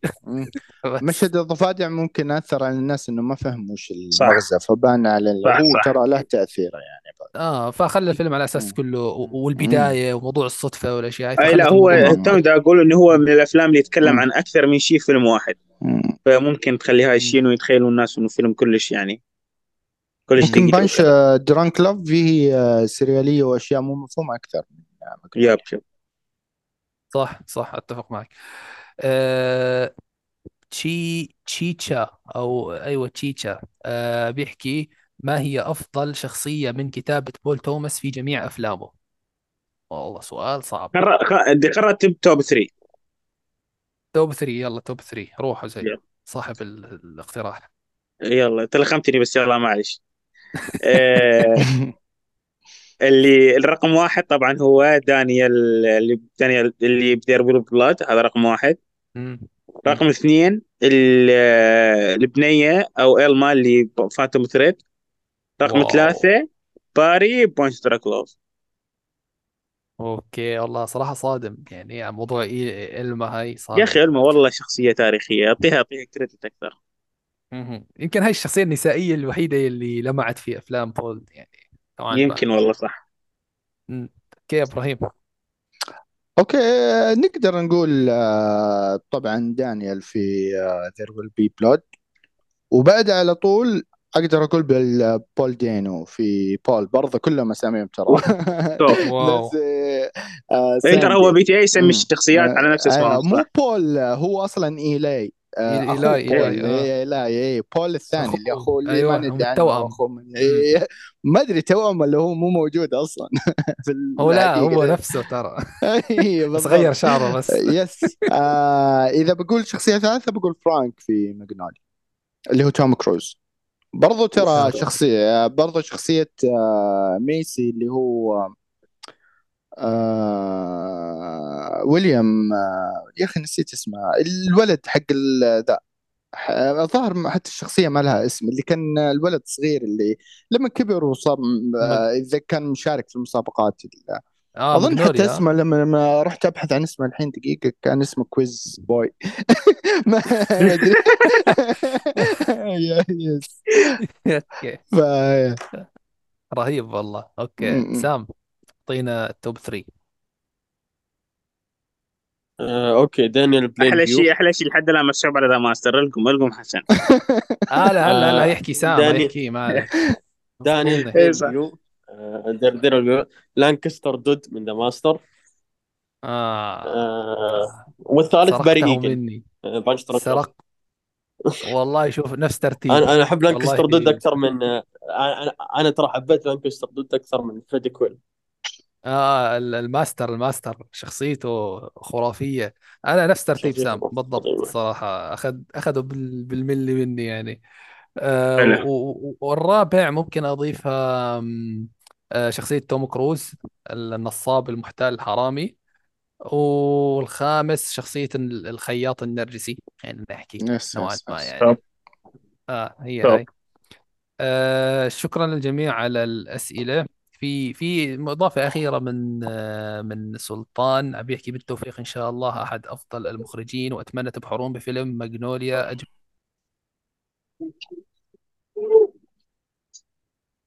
يس يس ما قصرنا في ماجنوليا أتوقع. أتمنى أن نكون آه وفقنا لقص ماجنوليا يعني حسب الطلب. آه حابين أضيفوا شيء في النهاية يا شباب؟